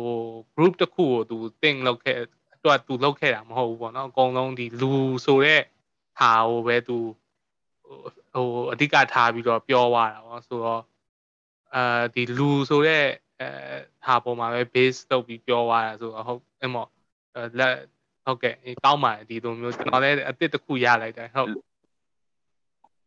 တော့လူထက်ဆိုင်တော့တတဝါတော့အခြေခံလိုက်သေးတယ်တတဝါတော့မှတက်ရှိတွေပေါ့ဟိုသူအခြေခံလိုက်သေးတယ်ဆိုတော့သူလူထက်ပို့ပြီးတော့သူဟိုကျင်းမြောက်ကျင်းကျပြန့်တဲ့ ideology တစ်ခုကိုချပြတာစလိတ်ဆန်တွေမှာလည်းအသက်ရှိတယ်အပင်တွေမှာလည်းအသက်ရှိတယ် မျိုးလာတဲ့အစိတ်ဖွံ့ဖြိုးမှုကိုအခြေခံထားတဲ့ဖြစ်တည်မှုတိုင်းဟာဟိုပါပေါ့နော်ဒီအဲ့ဓာတွေအတွက်ကိုမင်းတို့တွေကစဉ်းစားပေးရမယ်သူတို့တွေကိုမြစ်တာထားရမယ်ဆိုတော့ logic ကိုထည့်ထားတာဗျာဒါကြောင့်မို့တော့အပင်ကလည်းဖွံ့ဖြိုးမှုရှိတယ်အပင်ကိုဖျက်လိုက်တာတို့ဘာလို့လုပ်မယ်ဆိုရင်စဉ်းစားရတာတွေဖြစ်တယ်အမှန်တမ်းပြောရင်သူ့ရဲ့ logic တိုင်းသွားမယ်ဆိုရင်ကျွန်တော်တို့မှာကဒီတောင်ပြိုတာတို့ရေမိုးခေါင်ရေရှားဖြစ်ခြင်းတို့ခါတို့တွေတောင်မှ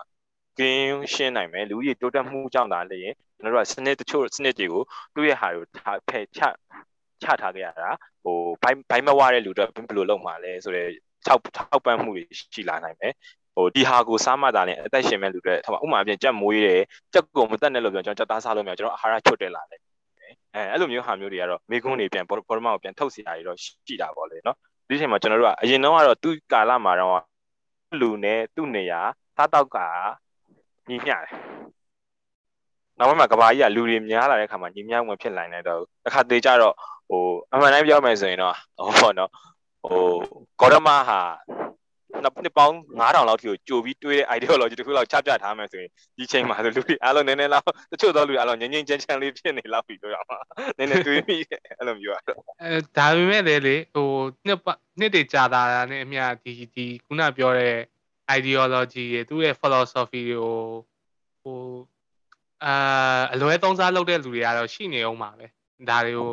ဟုတ်တယ်ဟုတ်တယ်အဲ့ဒါတော့ကျွန်တော်အမြင်ပေါ့နော်ဒီဟာဘယ်တော့ပဲကောင်းတဲ့ intention နဲ့ပဲလုပ်ခဲ့လုပ်ခဲ့အဲလူတွေကတော့ကိုလိုရာဆွဲပြီးတော့မကောင်းတာလုပ်ကြမှာလို့တော့ကျွန်တော်ကတော့ဟိုမြင်မိတယ်ပေါ့နော်မှန်တာပေါ့မှန်တာပေါ့ဗျ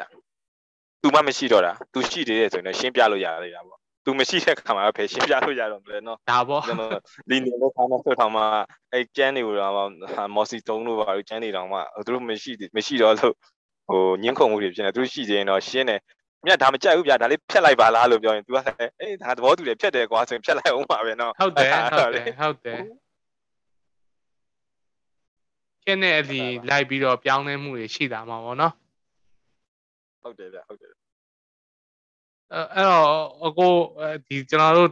ideology ဘက်တွေရောက်သွားအဲ့ဒါတွေကတိတ်တော့ဟိုမပြောချင်တော့ပါဘူးဟိုဒီကဲပေါ့အခုအကိုအာအခုဘယ်လိုကျွန်တော်တို့ရဲ့ဒီဒေါ်လန်ရေးကဘယ်အခြေအနေအခုဘယ်လိုဆက်သွားကြမလဲပေါ့ကျွန်တော်လက်နက်ကင်ဒေါ်လန်ရေးတွေတဲ့အာရောက်လာပြီပေါ့နော်ဒီမျိုးပေါ်မှာဆိုလဲဆန္ဒပြတဲ့လူတွေကလည်းဆန္ဒပြတာရှိတယ်ပေါ့နော်တော့တော်ထဲမှာလည်းတော်တဲ့လျောက်မျိုးပေါ်မှာလည်းမျိုးပေါ်လျောက်လုံနေကြတာရှိရဆိုတော့ ဒီကိုဗစ်နဲ့ကရောဒီဟာတွေကိုကိုဗစ်ကလည်းကျွန်တော်ထင်တယ်အချိန်တော့တန့်သွားစေတယ်လို့ကျွန်တော်မြင်တယ်ပေါ့နော်ဒီဟာကိုလည်းဒီဒီမင်းအောင်လိုင်းတို့စစ်ကောင်စီကနေပြီးတော့အခွင့်ကောင်းယူပြီးတော့သူတို့ control ရအောင်သူတို့တခုခုအဲလုပ်နေတာပဲပေါ့ try နေတာပဲဥမာထားပါအောက်ဆီဂျင်လိုချင်အဲဒီရက်ကွက်ထောက်ခံစာပါမတို့ဘာတို့ညာတို့အဲအဲ့ဒါတွေကဒါဒါကြတော့သူတို့ ဒီအုတ်ချုပ်လို့ရအောင်အုတ်ချုပ်ရေးတခုကိုသူတို့တီထောင်နေတာလို့မြင်မြင်တယ်ပေါ့နော်ပြီးတော့အခုဒီရက်ပိုင်းမှာဆိုလည်းကိုယ်လည်းသိမှာပါဒီဒီအိမ်ဆောင်ဆိုရဆိုပြီးဖွဲ့လိုက်တာတို့ဘာတို့အဲ့ဒါတွေကဟိုအရင်ပြောရမယ်ဆိုရင်တော့ဒါဒီဒီဒီစာအုပ်ထဲကဟာတွေပဲပေါ့နော်အရင်တော့ကဦးနေဝင်းလောက်နေဝင်းတို့လောက်ခဲ့တဲ့ဟာအကွက်တွေအဲပေါ့နော်ဆိုတော့ဒီဒါပေမဲ့ကျွန်တော်အသစ်ကဒီကိုဗစ်ပေါ့နော်ဒီကိုဗစ်ကိုလည်း ဘလို့ဒီကိုဗစ်နဲ့ကျွန်တော်တို့ဒီຫນွေဥတော်လိုင်းနဲ့ဘလို့အာဘလို့ခေါ်မလဲကျွန်တော်စိတ်ထဲမှာဆိုဟန်ချက်ညီညီလို့ပဲပြောရမှာဒီအဲ့လိုမျိုးဘလို့သွားမလဲပေါ့နော်ကိုဗစ်ကလည်းအခုချက်ချင်းရုံပျောက်သွားမှမထင်ဘူးပေါ့နော်ဒါကလည်းပြောရမယ်ဆိုရင်ခုနက geopolitics တွေပါပါလာမယ်ဆိုရင်ကိုဗစ်ကလည်း geopolitical tools အနေနဲ့အသုံးချနေတဲ့နိုင်ငံတွေလည်းရှိရင်ရှိမယ်ပေါ့နော်ဒါတွေကတော့ထားလိုက်ပါဒါပေမဲ့ကျွန်တော်နိုင်ငံတွင်းမှာဆိုရင် ဒီကိုဗစ်နဲ့ကျွန်တော်တို့ရဲ့အဲဒီဒီဒီຫນွေဥဒေါ်လာရင်းနဲ့ဘယ်လိုဟန်ချက်ညီညီသွားမလဲပေါ့ကျွန်တော်ကျွန်တော်တို့ကလေကြားလားမသိဘူးဟုတ်ကဲ့ကြားရခင်ဗျကျွန်တော်တို့ကလေဒီကိုဗစ်နဲ့အတူနေထိုင်ရနေထိုင်သွားတော့မှမနိုင်ဒီလား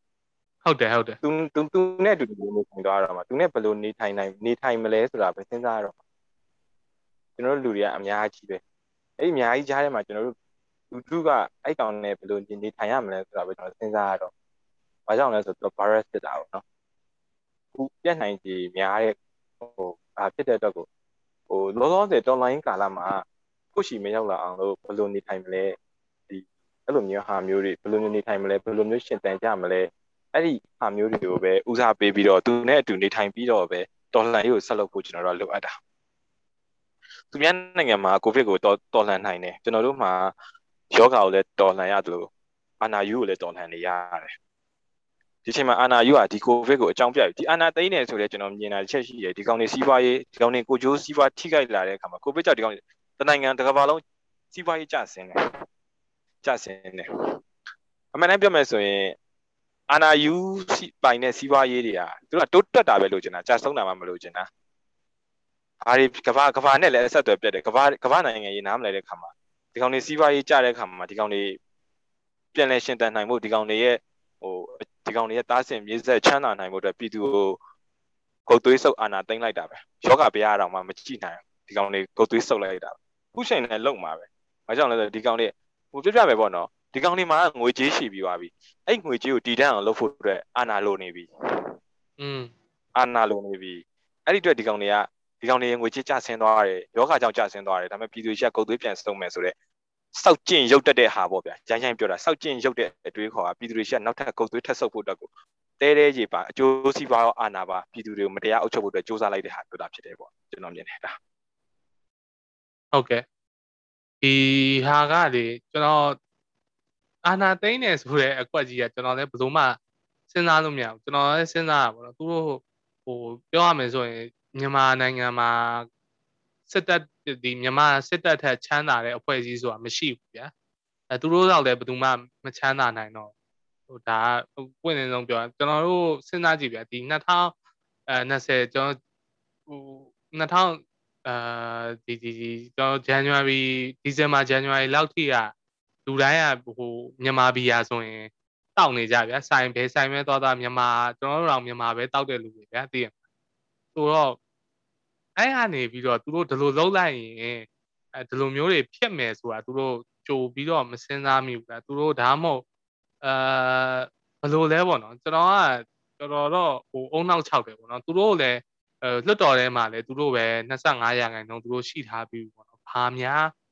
ထက်လို့သေးလို့လဲပေါ့နော်ကျွန်တော်အမြင်ကြတော့လုံးเสียမလိုဘူးပေါ့နော်ဥမာထားပါတော့ဟိုမင်းအောင်လိုင်ကတမရဖြစ်ချင်ဒါတခုတည်းနဲ့ဆိုရင်တော့လေဒီဘဲကတော်တော်အုံနောက်မရှိဘူးလို့ပဲပြောရမှာပေါ့နော်အဲ့လိုဖြစ်อืมစဉ်းစားကြည့်မယ်ဆိုရင်လေဟိုအဲ့ဒီမင်းအောင်လိုင်ရလေဘသူ့ကိုကြိတ်ကြွတာလဲဆိုကြိတ်ကြွတာတော့မဟုတ်ဒီကောင်းရဲ့လေ role model ကဒေါန်ဆန်းစုကြည်ဖြစ်ဖို့များတယ်ကျွန်တော်မြင်တဲ့ဟာမျိုး တားဆိုးလေးပေါ့ဗျာတားဆိုးလေးပေါ့ဆိုတော့ဟိုတားဆိုးလေးဆိုတာဘယ်လိုလဲဆိုတော့လေငငယ်တော့ကလေးတွေပေါ့နော်ဒီမုတ်ပဲစားကျင်တယ်ဆိုရင်ဒီမုတ်မရဘူးလား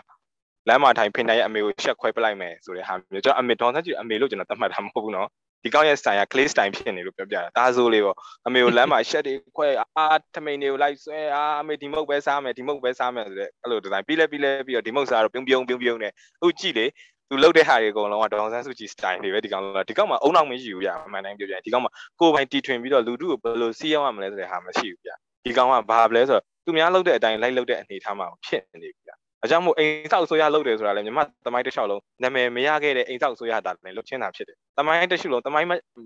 သမိုင်းကြောင်းဖြစ်စဉ်မှာဟိုအကြောင်းမလားခဲ့တဲ့အိမ်ဆောက်ဆိုရကိုပဲဒီကောင်လုပ်ချင်းတာဖြစ်တယ်။အဲ့ဒါအတွက်ဘာဖြစ်လဲဆိုတော့ ဒီကောင်နားမှာရှိတဲ့ကောင်တွေအကုန်လုံးကလည်းအုံနောက်ဉာဏ်ပညာရောအုံနောက်ရှိတဲ့ကောင်တွေမဟုတ်ဗျ။ဒါပြပြမယ်နော်။လက်နဲ့အင်အားကောင်းတယ်ဟိုလက်နဲ့အင်အားကောင်းတယ်လူအင်အားရှိတယ်အဲ့ဒီအတွက်ဆိုတော့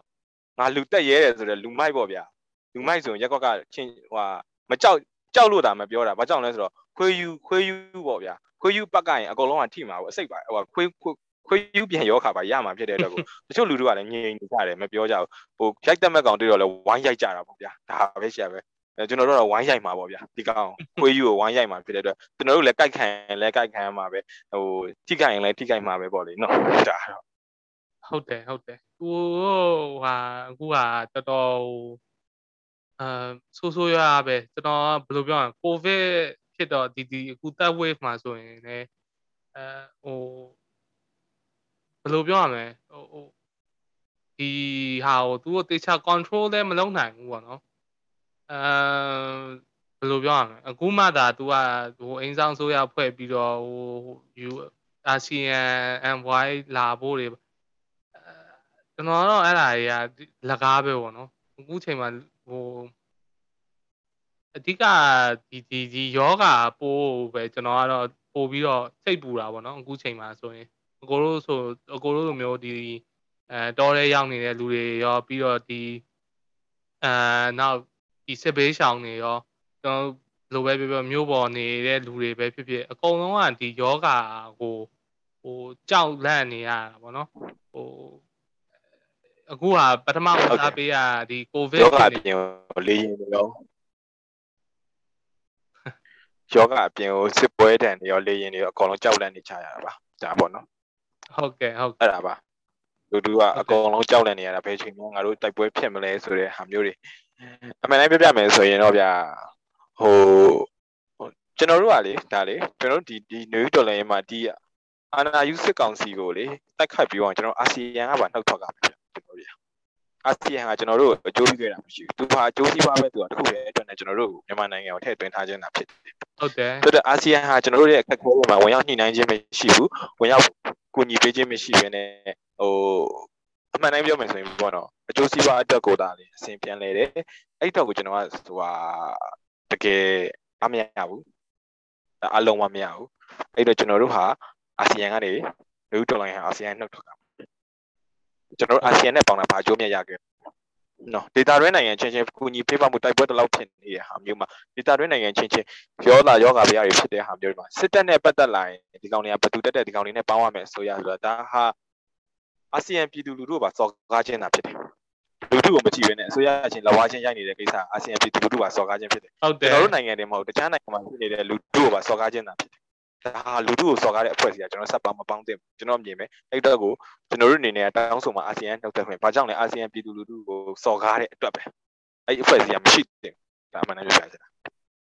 ဟုတ်တယ်ဟိုသူဒီအာဆီယံမှာလည်းနိုင်ငံတွေကကြည်တိုင် ဟိုဟိုအာနာရှင်တစ်ပိုင်းတွေကများတယ်သိသိရမလားဆိုတော့ဟိုဟုတ်ပါတယ်အဲလောကကိုင်းရတယ်အဲ့လိုမျိုးတိတ်အာဆီယံကတော့ပို့ဆိုးတာဗျာကို UN အောင်မှအသုံးမဝင်တဲ့ဟာကြီးကိုဘာမှဒီအဖွဲ့အစည်းတွေကတကယ်တော့ဟိုစစချင်းတော့ကတော့ဟိုဥပမာထားပါ UN လို့အဖွဲ့အစည်းဆိုတော့စတော့ကတော့ရည်ရွယ်ချက်ကောင်းရင်ကောင်းခဲ့မှာဗျာနောက်ပိုင်းကျတော့ဟိုအထဲမှာပါတဲ့ဒီဒီ state တွေပေါ့နော်နိုင်ငံရဲ့နိုင်ငံတွေက သူတို့ကိုကြိုးအတွက်ကိုဒီဒီဒီဒီအဖွဲ့အစည်းတွေကိုဘယ်လိုအသုံးချရမလဲဆိုတာပဲစဉ်းစားပြီးတော့သူတို့ကအဲလောက်ခဲ့ကြတာပေါ့နော်အဲ့လိုဆိုတော့อืมပြောရမယ်ဆိုရင်တော့ဒီနိုင်ငံတကာအဖွဲ့အစည်းတွေဆိုတာလည်းအကုန်လုံးကကိုကြိုးစီးပွားပဲကြည့်ကြတာပါပဲနောက်ဆုံးကြရင်တော့အဲကျွန်တော်တို့ကအဲ့အကျိုးစီးပွားကို ဥမာထားပါဗျာကျွန်တော်တို့နိုင်ငံမှာအများကြီးဒါရေနံနေတာဟောအများကြီးထွက်နေ US ကရောက်လာကြပြီပေါ့နော်ဒါကျွန်တော်အမြင်ပေါ့မှားရင်လည်းမှားမယ်ဒါပေမဲ့မှန်တာပေါ့ဗျာမှန်တာပေါ့ဗျာဟုတ်တယ်မလားစိတ်နေပါလေလည်းဆက်တယ်ကျွန်တော်နိုင်ငံကလေနော်ဟုတ်တယ်စိတ်တို့ပါတော့နော်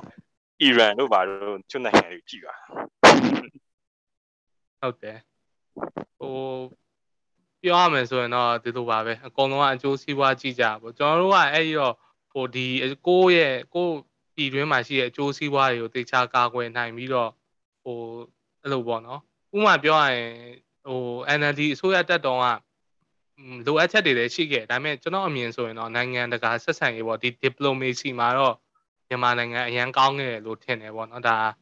အဲနားထောင်တဲ့လူတွေကျွန်တော်နဲ့သဘောမတူဘူးဆိုလည်းရပါတယ်ကျွန်တော်အမြင်ပေါ့နော်ပြည်တွင်းမှာတချို့ဟာတွေအားနေခဲ့တဲ့အပိုင်းတွေရှိပေမဲ့ ဒေါန်ဆန်းစုကြည်လက်ထက်မှာတော့ကျွန်တော်ထင်တယ်အဲနိုင်ငံတကာဆက်ဆံရေးတော့တော်တော်မြန်မာနိုင်ငံကဟိုတိုးတက်လာတယ်လို့ကျွန်တော်မြင်တယ်ပေါ့နော်ဟုတ်တယ်ဗျဟောပါပေါ့နော်အမှန်တမ်းပြောရင်တော့ဟိုလူတုလူတုကဘယ်လိုပဲဖြစ်နေပါသေးဘယ်လိုပဲအခြေအနေမျိုးရောက်နေပါသေးလူတုရဲ့ဇဏောက်လေးစားအမှန်ပဲဗျကောင်းခြင်းဆိုးခြင်းဆိုတာက personal ရတိုက်ခိုက်ရမှာမဟုတ်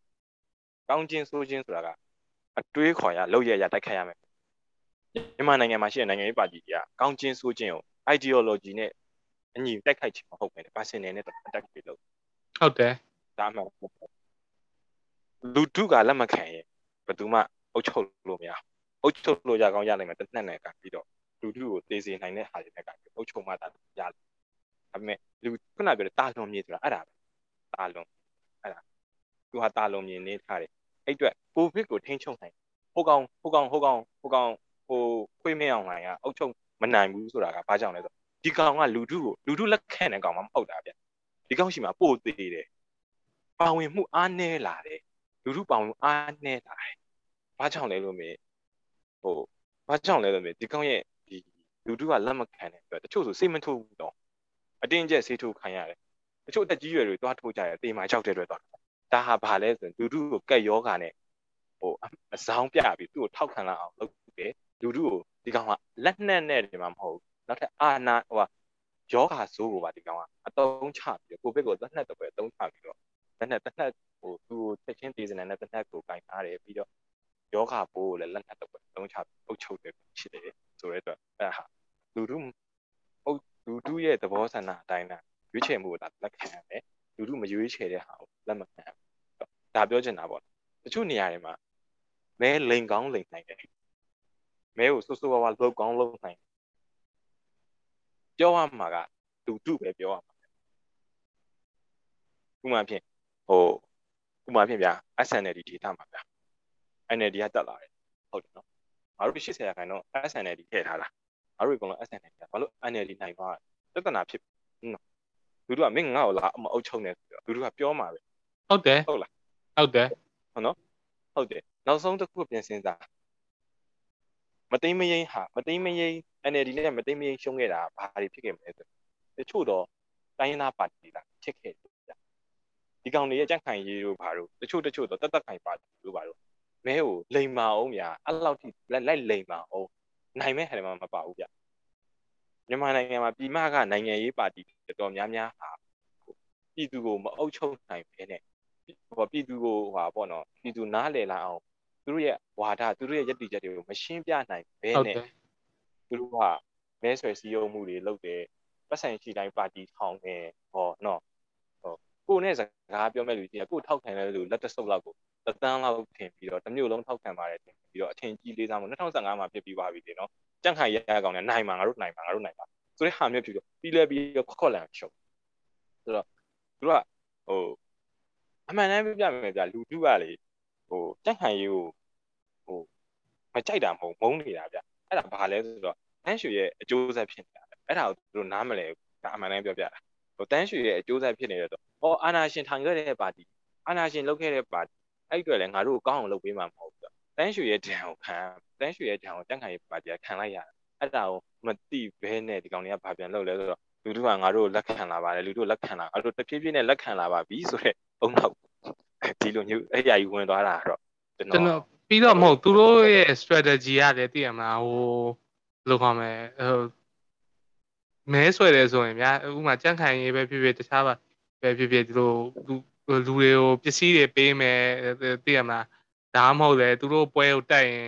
ဘယ်လောက်ပေးတယ်ကြန့်ခိုင်ရေးမှာဆိုရင်အထူးသဖြင့်ပိုများမယ်လို့ထင်တယ်ပေါ့နော်အဲ့လိုမျိုးပတ်စံပေးပြီးတော့လောက်တာဆိုတော့လူတွေကတော့ပတ်စံပေးရင်တော့ရရင်တော့ ဟိုသွားတက်လိုက်မှာပဲသိရမလားထောက်ခံပွဲလို့ဘာကလူအများကြီးဖြစ်တယ်ဘာညာ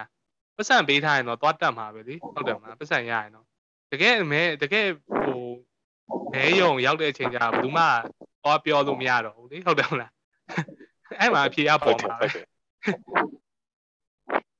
အဲ့ဒါကိုသူတို့ကလက်မခံနိုင်သူတို့အဲ့ဒါကိုလက်မခံနိုင်သိရမလား အရန်ကြီးသူတို့ဟိုပတ်စံပေးခေါ်ထားတဲ့လူတွေကသူတို့ကိုမဲထည့်မယ်ထင်တာမှားတာပဲအဲ့ဒါအဲ့မှာကြီးမှားတာပဲပတ်စံပေးမဲထည့်တယ်သူတို့မှားတာအဲ့ပြောရလေနော်ဟိုဒီကောင်တွေကအခုဟိုကျွန်တော်ကမော NLD ကိုမဲမတမာမှုတွေရှိတယ်လို့ပြောထောက်ပြရင်တိုင်းသားပါတီထောက်ပြကျွန်တော်လက်ခံအားလုံးလက်ခံနော် reason တွေပဲကြကြထောက်ပြလို့ရတယ်ဟုတ်တယ်နော်စစ်တပ်ကဝင်ထောက်ပြစရာအကြောင်းမရှိဘူးကြ ကြက်ခိုင်ကြီးကဝင်ထောက်ပြစရာအကြောင်းမရှိဘူးကြဘာကြောင့်မို့လို့ကျွန်တော်အဲ့စကားကိုပြောရတာလဲဆိုရင်ရှင်းတယ်2008နာဂစ်အခြေခံဥပဒေအတည်ပြုရမဲကိုဘယ်လိုမတမာမှုလုပ်ခဲ့လဲ2020 2010ရွေးကောက်ပွဲမှာမဲကိုဘယ်လိုမတမာမှုလုပ်ခဲ့လဲမဲမကောင်းမဲ့နဲ့မင်းပြောစရာအကြောင်းမရှိကိုဟာကိုကျင့်တီလာကောင်းမွန်နေမှာလူလူတယောက်ကိုဝေဖန်ဖို့တာတထိုက်တန်တာဖြစ်တယ်ကိုဟာကိုကျင့်တီလာမကောင်းမွန်မဲ့လူတယောက်ကိုဝေဖန်ဖို့ကမထိုက်တန်ဘူးဗျအစုဖွဲ့တစုကိုဝေဖန်ဖို့ကမထိုက်တန်ဘူးဒါဟာရေးကြည့်တဲ့အချက်ဒီကောင်တွေကဒီကောင်တွေကမကောင်းမဲ့နဲ့ထောက်ထောက်ဝေဖန်နေတာဒါပြဿနာ ဟိုဘယ်လိုပြောရမလဲကျွန်တော်ပြောချင်တာကတော့ဗျာဟိုနိုင်ငံရေးပါတီတွေပေါ့သူသဖြင့်ကျွန်တော်ပြောချင်တာနိုင်ငံရေးပါတီဆိုတာကြန့်ခိုင်ရေးပါတီဖြစ်စေမပါတီဖြစ်စေနိုင်ငံရေးပါတီတွေကဒီဟာကိုထောက်ပြပြီးတော့သူတို့ကဒီတရားတွေပါဆွဲတယ်ဘာညာဆိုရင်ကြည့်ကောင်းတယ်ပေါ့နော်ဒါဖြစ်တဲ့တယ်ပေါ့နော်ဖြစ်လုံးလို့ရတယ်ပေါ့နော်ဖြစ်တယ်ဟိုဘာမှမဆိုင်တဲ့လက်နက်ကင်အဖွဲ့အစည်းတစ်ခုကနေစပြီးတော့မဲမတရမာမှုရှိပါတယ်လို့ဘာလို့ပြောတာကြတော့သူတို့ အလုံးမဟုတ်ဘူးပေါ့နော်ဟိုပြောရမယ်ဆိုရင်အဲ့လိုပဲမြင်တယ်ပေါ့ဟိုဒီဒီဒီလက်နက်ကင်အဖွဲ့အစည်းတစ်ခုအနေနဲ့လွတ်တော်ထဲမှာလည်း25ရာခိုင်နှုန်းယူထားပြီးသားအဖွဲ့အစည်းတစ်ခုအနေနဲ့မဲမတာမာမှုရှိတယ်လို့ပြောတာတော့ရည်စရာကောင်းတာကျွန်တော်ဟိုမရှိဘူးဗျာသိတယ်မလားဒီဒီ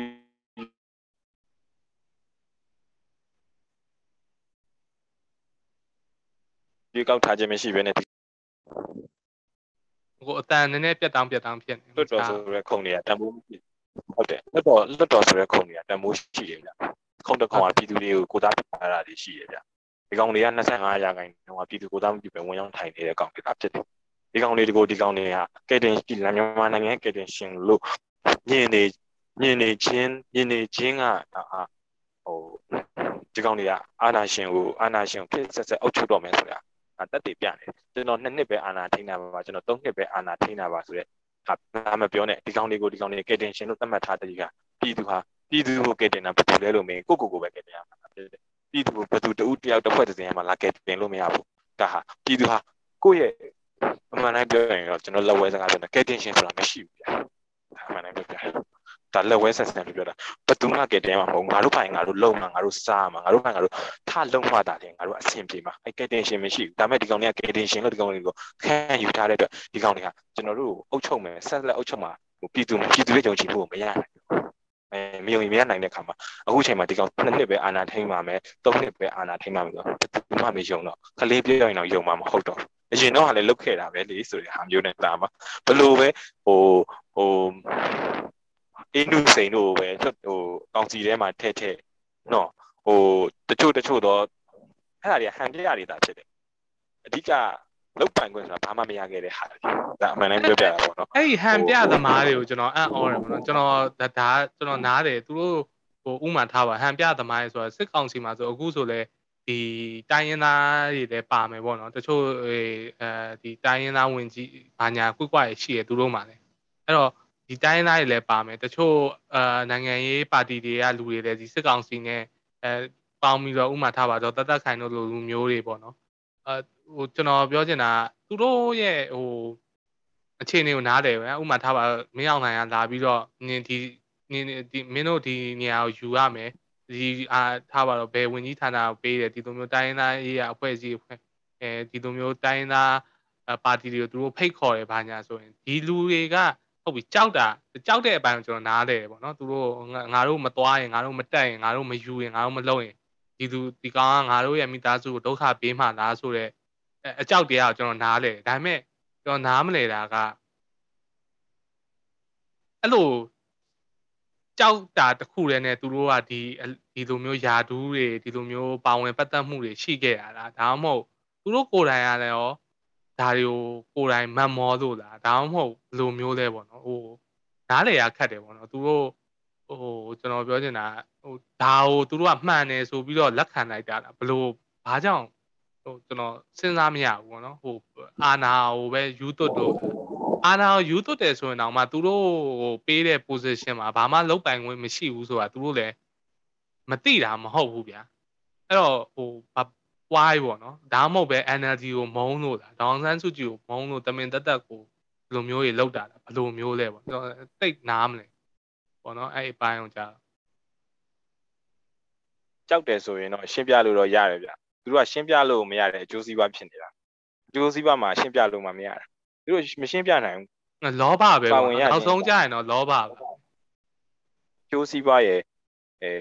အကျိုးစီးပွားဆိုတဲ့နေရာမှာ ဟိုနာမည်ကြီးချင်တာပါတယ်အခွင့်ထူးခံလူဒန်းစားဖြစ်ချင်တာပါတယ်အဲဒါတွေကြောက်စရာကောင်းတဲ့အရာတွေပဲဟုတ်ပေါ့နော်ဆိုတော့ကြည့်တော့လေဥမာနဲ့ပြောရင်ဂျင်လီပေါ့ဗျာဒါကျွန်တော်တို့ဒီခေတ်စကားနဲ့ပြောမယ်ဆိုရင်ဂျင်လီတွေပေါ့ဒါကတော့ဒါတော့ကျွန်တော်တို့ကတော့ခေတ်စကားတော့ပြောမှရမယ်ဗျာဒါကတော့လေဟုတ်တယ်ကျွန်တော်တို့ငယ်တွေလည်းဒါကိုသိနေကြတာအဲ့ဂျင်လီက NLD ထဲမှာလည်းရှိတယ်စကောင်တူထဲမှာလည်းရှိနှစ်ခုလုံးမှာရှိအဲ့ဒါကညတို့က ဆိုတော့အဲ့ဒါနည်းနည်းကြောက်စရာရှိတယ်ဗျအမှန်တမ်းပြောရင်အဲ့ဂျင်လေးတွေတက်တက်ပဲတော့မြို့နယ်လေးတမြို့နယ်လေးပြီးတော့အဲ့မှာနေထိုင်ခိုင်းလိုက်တာပြင်ပိုကောင်းမလားတော့စဉ်းစားမိတယ်ကျွန်တော်တို့နိုင်တော့ရင်ဒါကတော့တွေးမိရဲ့ဒါတော့ဟိုပြောချင်တာကတော့တချို့တော့တချို့တော့တိုင်းသားတွေကြတော့ဩဒါဗမာချင်းဖြစ်တဲ့တိုက်ပွဲလို့ပြောချတာပဲရှိတယ်အရင်တော့တချို့ကြတော့လေဒီအထိနာလာတဲ့အခါမျိုးတွေမှာငါတို့တွေမူမပါတာကောင်းမှတင်တော့စောင့်ကြည့်နေကြတာတော့ဟိုဟိုပြောချတာပဲရှိကြတယ် ဒါမပါသင့်ဘူးလို့ပြောကြတာရှိကြတယ်ဒါအမျိုးမျိုးကွဲလွဲနေပါစေဟိုမတရားမှုဟာပြောနေကြစကားပါပဲဒီစကားပြန်ပြောရင်တော့ထပ်ပြီးတော့မှတ်မိတာပေါ့နော်ဒါကိုကျွန်တော်ကတော့ဟိုဟာလေးနဲ့ဒီအတွေ့အကြုံလေးတစ်ခုနဲ့ပဲကျွန်တော်ကပြောပြခြင်းတယ်ပေါ့ပိုလန်လက်သမားနဲ့ဒုတိယကမ္ဘာစစ်အကြောင်းပေါ့ Polish လက်သမားတယောက်နဲ့ဒုတိယကမ္ဘာစစ်အကြောင်းပါဒါလူငယ်တွေလည်းနားထောင်မှာဖြစ်တဲ့အတွက်ပေါ့နော်ပိုလန်လက်သမားတယောက်ကဒုတိယကမ္ဘာစစ်ဂျာမနီတွေဟာနာဇီစနစ်နဲ့နာဇီနာဇီပေါ့နော်နာဇီဂျာမနီတွေဟာဖက်စစ် ပုံစံမျိုးနဲ့နေချက်နေပြီလို့ပြောတဲ့အခါမှာပိုလန်လယ်သမားတယောက်ကငါနဲ့မဆိုင်ဘူးဆိုပြီးတော့သူ့ဖာသူနေတယ်ပိုလန်နိုင်ငံစီရေးပြင်နေပြီပိုလန်နိုင်ငံလယ်သမားတွေလက်နက်ကင်ဖို့အတွက်လာကြလို့ပြောတဲ့အခါကျရင်လာမလာမတော်ဘူးမတော်ဘဲနဲ့သူ့ဖာသူနေတယ်နေတယ်သူပြောငါလည်းမဆိုင်ဘူးအေးဟုတ်ပြီပိုလန်နယ်ဇက်ကိုရောက်လာပြီငါတို့ရဲ့တချို့သောရဲဘော်တွေလည်းကြာဆုံးသွားပြီနာဇီဂျာမနီကိုတိုက်ရင်းနေဆိုတော့အာငါနဲ့မဆိုင်ပါဘူးငါရဲ့ဝမ်မီသားစုလေးအဆင်ပြေနေပြီးတာတော့ပါနဲ့အဲအဲ့လိုမျိုးပြောတဲ့ခါမြို့တော်ဝါဆောကိုတင်လိုက်ပြီး အဲနာစီချမ်းနဲ့အာငါနဲ့မဆိုင်သေးဘူးဒီကောင်ကအာငါတို့မင်းတို့ငါတို့ရွာလုံးကြုံပြီးတော့မင်းတို့တွေတွားချရအောင်ငါတို့တွေလက်နက်ကင်ပြီးတနက်တွေဒီနဲ့ငါတို့တိုက်ခိုက်ကြငါတို့မဆိုင်ဒေတာပဲပြီးလဲပြီးလဲပြီးတော့သူ့ရွာရောက်လာတဲ့ခါမှာသူ့ရွာရောက်လာတဲ့ခါမှာသူကအာငါတို့ဝင်ခုခံရအောင်ရွာနာရောက်နေငါတို့ဝင်ခုခံရအောင်ဆိုတော့အာဘာမှမဖြစ်ဘူးရွာလဲသူ့အိမ်လဲသူ့ကိုဂျာရွာထဲဝင်ပြီးတော့သူ့ဂျာမနီကနာစီဂျာမနီကသူ့ကိုတတ်သွားဘာလို့လဲဆိုတော့ ပိုလန်ပိုလန်စစ်သားဆိုပိုလန်ကစစ်သားတကောင်နေနေတယ်ဆိုတက်တော့တေကန်ဒီမှာဒီကောင်တိလိုက်တာအော်ဒုတိယကဘာစစ်ဖြစ်တာငါလည်းမိုင်မောင်းဘလောက်ပဲဝေးပါတင်ငါအဲ့ငါငါနဲ့တော့ဆိုင်လာပြီပဲကွာဟာဆိုပြီးသူတတ်မှာတတ်မှတ်လာဆိုတော့ဟိုမြန်မာချင်းဖြစ်တဲ့တိုက်ပွဲပဲပြောပြောဟိုဒီနိုင်ငံရေးရှုပ်ရှင်းထဲမှာဟိုဘုံရရန်သူတွေချင်းချင်းတိုက်ခိုက်တဲ့တိုက်ပွဲပဲပြောမတရားမှုကမတရားမှုမတရားမှုကဖြည့်ရှင်းဖို့အတွက်အကြောင်းပြချက်မရှိ မတရားမှုကိုမေးခွန်းထုတ်เสียအကြောင်းမရှိဘူးမှန်တယ်မမှန်ဘူးဆိုတာဘယ်သူဆုံးဖြတ်လဲလို့မင်းပြည်သူကဆုံးဖြတ်လိုက်မယ် ပြောပြတာမှန်တယ်မမှန်ဘူးဆုံးဖြတ်ဖို့တော့ကလက်နက်ကင်ဖွဲ့စည်းတစ်ခုလူတစုကနေပြီးတော့ဒါကိုဝါရဖြန့်ချီပြီးတော့ဒါမမှန်ဘူးဒါမှားနေတယ်လို့ပြောတော့ဥဆောင်ပြီးပြောခွင့်မရှိဘူးပြည်သူကနေပြီးတော့ပါလာမှာပဲလေနော်ပြည်သူပါလာမှတာလည်းအဆင်ပြေမှာပြည်သူကနေပြီးတော့ဒါမမှန်ဘူးငါတို့တော်လှန်မှရတော့မယ်ဆိုတော့အဲ့ဒီအတွေ့ကိုလေးစားရမယ်ပြည်သူရဲ့လုံပြည်သူရဲ့ဆန္ဒကိုလေးစားရမယ်ဗျပြည်သူကိုဆန္ဒကိုမလေးစားမှလက်နက်ကင်တော့၎င်းနိုင်ငံရေးပါတီတော့ပြည်သူဆန္ဒကိုမလေးစားဘဲနဲ့ကိုယ့်ရဲ့ ideology ကိုယ့်ရဲ့ဟိုကိုယ့်ရဲ့အတွေးခေါ်ကိုယ့်ရဲ့ဟိုကိုယ့်ရဲ့တယူတန်အတ္တကိုဒါသွတ်သွင်းပြီးတော့ပြည်သူကိုဝါဒပြန်ဖြိုင်းဒါဟာပြည်သူပြည်သူကိုအစိတ်ခတ်တယ်လို့ပြောလို့ရတယ်ပြည်သူရဲ့လွတ်လပ်စွာတွေးတွေးတော်ခွင့်လွတ်လပ်စွာလုတ်ပေါ်လုတ်ပိုင်ခွင့်ကိုအစိတ်ခတ်တာအရင်ကြောက်ဖို့ကောင်းတယ်ဆိုတော့ဘယ်လိုပဲဖြစ်ဖြစ်မတရားမှုကမတရားမှုပဲနည်းနည်းတစ်ချိန်ကြာရင်ကိုယ့်စီရောက်လာမှသာလေမပြောနဲ့ဒီကြားထဲမှာမှန်ပါဗျာ ငါတို့တော့ဒီကောင်တွေကလုတ်ပေးခဲ့လို့လားငါတို့ကဒီကောင်တွေရှိမှဒီကောင်တွေရှိမှသွားလုတ်မှသွားလုတ်ပေးကြလို့လို့လားလို့မေးရင်ဒီဟာအရန်အောက်တန်းကြတဲ့စိတ်သက်ဖြစ်သွားပြီဗျာငါတို့တော့ဒီကောင်တွေကြည့်ခဲ့လို့လားတော့မှန်တယ်ကျွန်တော်တို့ရခိုင်ဘက်မှာဖြစ်ခဲ့တဲ့ဟာတွေရောတချို့တချို့တော့ဘက်မှာဖြစ်ခဲ့တဲ့ဟာတွေမှာဗမာတွေမှားခဲ့တာတွေရှိခဲ့တယ်ဗျာနော်ဟုတ်ပါဒါတွေကိုကျွန်တော်တို့ကခွင့်လွှတ်ရမယ့်ဟာမဟုတ်ဘူးဗျာခွင့်လွှတ်ရမှာမဟုတ်ဘူးဒါပေမဲ့ဒီအချိန်မှာကျွန်တော်တို့အတူတူဝင်ကူညီပေးရမယ် ဒါမှသာ brotherhood တော်တာလေပြင်ပေါင်တန်းညီကိုတွေလို့တော်တာလေမင်းကိုလှုပ်ပေးလို့ငါမလှုပ်ပေးဘူးဆိုရင်အချိန်ချိန်ကြရင်တို့တွေမျက်နှာချင်းတိုင်းပြန်ဆုံတဲ့ခါကျရင်ဘယ်လိုမျက်နှာမျိုးပြမှာဒီလိုမျိုးတော့ကအဲ့ဒါအဖြစ်ရှိတယ်မင်းတို့ဖြစ်တော့ငါတို့ကူညီပေးခဲ့တယ်ဆိုတဲ့ဟာမျိုးဆိုတာကဟိုကျွန်တော်ပြောပြမယ်ပေါ့ဗျာခွင့်လွတ်ပေးရမယ့်အရာတွေတော့မဟုတ်ဒါပေမဲ့စာနာတက်ကမယ်ဗျာငါတို့ခံစားခဲ့ရသူတို့မခံစားရပါစေမခံစားရစေဖို့အတွက်ငါတို့ဘာဝိုင်းကူညီရမယ်ဆိုတဲ့စိတ်တက်လေးတော့ထားတယ်အဲ့ဒါပါပဲဗျာ ခွင့်လွတ်ရမှာမဟုတ်ဘူးစာနာစိတ်တော့ထားဘာကြောင့်လူသားတွေဖြစ်နေတဲ့အတွက်ငါတို့လိုငါတို့ခံစားရတာအရင်ဒုက္ခရောက်ခဲ့တယ်ဆိုရင်ဒါပေမဲ့သူတို့တွေအဲ့ဒုက္ခကိုသိကိုသိရလိုက်ဒီကံဒုက္ခကိုမြင်ရဟိုသိတယ်မြင်တယ်သူတို့နားလည်လာလေဒါအကောင်းဆုံးပါပဲဒီလိုမျိုးပါဟုတ်ပါဟိုပြောရတယ်အရန်ကောင်းတယ်ဗောနော်ကျွန်တော်ဟုတ်တယ်ကျွန်တော်အဲ့အကျိုးစီးပွားတွေပါလာရင်ကလူတွေကဟိုဘယ်လိုခေါ်မလဲ မယိုးသားတော့ဘူးပေါ့နော်အဲ့လိုပဲပြောအောင်အကျိုးစီးပွားဟုတ်တယ်လားကျွန်တော်တို့ဟိုမွေကျွန်တော်တို့ရဲ့ကျွန်တော်တို့ဒီနိုင်ငံတကဘာလုံးပေါ့နော်ကျင့်သုံးနေတဲ့စနစ်ကလည်းဒီ capitalism ဆိုတာလူတိုင်းကအကျိုးစီးပွားနဲ့ပတ်သက်လာရင်တော့ဟိုလောဘကြီးကြတာပဲပေါ့နော်ဆိုတော့ဟိုဟုတ်တယ်ကျွန်တော်တို့ဒီဒီဒီ capital ဒီအရင်ရှင်စနစ်အရင်ရှင်စီးပွားရေးစနစ်ထဲမှာကျွန်တော်ကျန်တဲ့နေတွေရတော့ဒီ လူတွေရဲ့လောဘစိတ်ကိုကျွန်တော်တို့ကနည်း control လုပ်နိုင်အောင်တော့ဟိုဘယ်လိုခေါ်မလဲအသိပညာမြင့်မားလာအောင်ကျွန်တော်တို့လုပ်ရမှာပေါ့နော် ethics တွေပေါ့ကျွန်တော်ပြောစီးပွားရေးလုပ်တဲ့နေရာမှာကျွန်တော်ခုနကပြောသလိုဒီဆေးတွေအောက်ဆီဂျင်တွေအဲဒီဆေးတွေကိုဈေးတင်ရောင်းတဲ့ဟာမျိုးတွေထိဖြစ်လာတာကြတော့အရန်ကိုဟိုရိုင်းရိုင်းပြောရင်အောက်တန်းကြတော့အားကြီးရအသိရမှာမှန်တယ်ဗျမှန်တယ်ဗျမှန်တယ် ဒီလူတို့မရှိဘဲနဲ့စီးပွားရှာလို့မရဘူးလေနော်လူတို့ကိုလူတို့ကိုလူတို့ကိုလူတို့အကျိုးပြုစီးပွားရေးလောက်ကမှာလေနော်ကျွန်တော်ပြောချင်တာဒီလူတို့မရှိဘဲနဲ့သူ့ရဲ့ဆိုင်ကိုဘယ်သူလာဝယ်မှာလဲအဲ့အတွက်လူတို့ကိုတက်နိုင်တဲ့လောက်အမျက်ကိုရှော့ချပြီးတော့သူတို့ကများများရောင်းနိုင်အောင်လို့သူတို့ကြိုးစားမှာအဓိကဟိုဘောနော်ငါမိသားစုဆိုတဲ့အဝန်းဝိုင်းလေးပဲကြည့်တဲ့လူတွေလည်းရှိတယ်ဟိုငါစားရရင်အဆင်ပြေတယ်ဆိုတဲ့တကူကောင်းသမားတွေရှိတယ်အဲ့တခါစားတွေပဲဗျ ဒါအမှန်တမ်းပြောပြမယ်ဆိုရင်ဟိုညဟိုပါပေါ့ဗျာမျက်တောင်မွေးလောက်ပဲကြည့်တယ်ပေါ့နော်မျက်စိတစ်ဆုံးမကြည့်ဘူးလို့ပြောလို့ရမှာပဲမျက်တောင်မွေးလောက်ပဲကြည့်ပြီးတော့သူစဉ်းစားလိုက်တယ်ဒါမျက်စိတစ်ဆုံးမှာဘာတွေရှိလဲဆိုတာမျက်စိဒါပေမဲ့ဟိုဟို Facebook မှာလည်းတချို့ဟာတွေပြောနေတော့နော်စိန်လေးတစ်တုံးရတယ်ဆက်မတူတော့ဘူးအနောက်မှာစိန်တွင်းရှိတယ်အဲ့လိုမျိုးဟာမျိုးပေါ့နော်မျက်စိတစ်စုံမျက်မျက်တောင်မွေးတစ်စုံပဲကြည့်တယ်မျက်စိတစ်စုံကြည့်တဲ့စီးပွားရေးသမားတွေရှိနေတယ်ဒါဟာကျင့်ဝတ်အရာဒါလူထုကို ထိခိုက်နိုင်တယ်လူထုရဲ့အစိတ်တောက်တွေဒါဖြစ်ပါတယ်ဟုတ်ကဲ့ကျွန်တော်တို့ဟိုပါဗောလေအဲတကယ်လို့ကျွန်တော်လည်းနည်းနည်းကြာလာပြီဆိုတော့နည်းနည်းဟိုဒါသေးကိုနည်းနည်းအပြီးတက်လိုက်မယ်ပေါ့နော်အပြီးတက်မယ်ဆိုတော့ဒီအခုကျွန်တော်တို့ဒီဒီတော်တဲ့ရောက်နေတဲ့ဟာတွေကိုအကိုအနေနဲ့ပေါ့နော်ပြောကျွန်တော်လည်းဒီ game ကုန်းတော့မေးပြီးပါနော်အကိုကနဖြေသွားဆိုရင်ဒီတကယ်ဟိုလုံနေတဲ့ဒီ local local အဖွဲ့အစည်းတွေနဲ့ဆက်သွယ်ပြီးတော့အလှူတန်းမယ်ဆိုတော့အကောင်းဆုံးနီးလန်းလို့တော့အကိုပြောသွားတယ်ပေါ့နော်အာဟုတ်တယ်တက်ပို့ပြီးတော့ဥမာထားပါတော့အဲဒီစစ်ဘေးရှောင်နေပေါ့နော်ဟိုဘလို့နီးရင်လည်းကျွန်တော်တို့ကုညီလို့ရမလဲပေါ့နော်အဲစစ်ဘေးရှောင်နေရောခုနပြောတဲ့တော့ဒီအခုဒီလိုမျိုးတော်လန်ရေးပေါ့နော်တော်ထဲမှာလက်နက်ကင်တော်လန်ရေးလုပ်နေတဲ့လူတွေရောဟိုကျွန်တော်တို့အနေနဲ့အဲဒီဘယ်လိုပြောရလဲဒီမျိုးပေါ်နေလူတွေနဲ့ ဘာတွေထပ်လုပ်တင်လဲပေါ့ဘာတွေလုပ်တင်တယ်လို့အကုန်အနေနဲ့အကြံပေးခြင်းတယ်ပေါ့ဟုတ်ဟိုတခုဒီတလောမှာဆိုရင်အခုတချောမှာဆိုရင်ဘာတွေခက်စားနေလဲဆိုတော့ PDF တွေကိုလူ PDF တွေကိုလူဟိုအဲ့လိုမျိုးဆိုတဲ့အခါမှာတချို့တွေက PDF တွေကဘာလုပ်နေတာလဲဘာဖြစ်နေတာလဲဆိုတော့မိကုန်းထုတ်တာရှိခဲ့ကြတယ်ကြာဒါကဘာလဲဆိုရင်တချို့သောဟာတွေက ဟိုတချို့သောလူငယ်တွေကိုကျွန်တော်တို့တွေ့ပါတယ်ကျွန်တော်တို့ကတော့ဒီအေးကိုဟာကိုပဲနေကြတယ် PDF လည်းမဟုတ်ဘူးကိုဟာကိုပဲဒီနိုင်ငံရေးအခြေအနေကြောင့်ကျွန်တော်တို့လည်းနေနေရာရွှေ့ပြောင်းနေရတာပေါ့နော်သူတို့ရဲ့ပင်မဆင်းရဲမှုတွေကများတယ်ဗျဒါဘာလို့များလဲဆိုတော့သူတို့တွေရဲ့အရင်တော့လို့ပျော်ပျော်ရွှင်ရွှင်နေရတဲ့ lifestyle မဟုတ်တော့ပေါ့နော်ဟိုခဏလာနေကြည့်ပါလားပေါ့နော်သူတို့တွေရဲ့နေရာကိုခဏလာနေကြည့်ပါလားသူတို့တွေရဲ့နေရာခဏလာနေကြည့်ပါလားဆိုတော့သူတို့တွေကပင်မဆင်းရဲတော်တော်ခံရတယ် သူတို့တွေနဲ့မရင်းနေတဲ့ဟာတွေနဲ့သူရင်းနှီးလာအောင်လုပ်ကြတယ်သူတို့တွေကြောက်ကြတယ်တနက်တစ်ချက်မဖြစ်ဘူးလေလူကတနက်ပြစ်ဖို့ဆိုတာကြောက်တယ်မဟုတ်ဘူးလားဗျဆန္ဒတစ်ခုတည်းစိတ်တစ်ခုနဲ့မတရားမှုတော်လန်ခြင်းတဲ့အတွက်အားလုံးကိုစွန့်လွတ်ခဲ့ရတဲ့လူတွေပါဘယ်တော့ကိုသူတို့ရဲ့စွန့်လွတ်မှုတော့အတိအမှတ်ပြုတင်ပါတယ်လက်နက်ကင်လမ်းစဉ်ကိုမထောက်ခံဘူးဆိုရင်တော့မှသူတို့ရဲ့စွန့်လွတ်မှုတွေအနစ်နာခံမှုတွေတော့အတိအမှတ်ပြုတင်ပါတယ်လူငယ်ဆိုတဲ့အတိုင်းပဲဟိုမကြိုက်ရင်မကြိုက်ဘူးလို့អော်ပြောတာဗျဟိုပြောမယ်ဆိုရင်လူငယ်ဆိုတာကတော့ ဖြစ်ရင်တော့ကြွမှာပဲဖြစ်ရင်တော့ချမှာပဲဆိုတော့ဟိုဒါလူငယ်တွေရဲ့တဘာဝပဲဒီတဘာဝအတိုင်းသူလုပ်ကြတယ်ဒါပေမဲ့ခေါင်းဆောင်မှုဘိုင်းဆိုင်မှာ MGG ဆိုရလည်းတေချာတက်တက်မမခေါင်းဆောင်မှုပေးနိုင်ရမယ်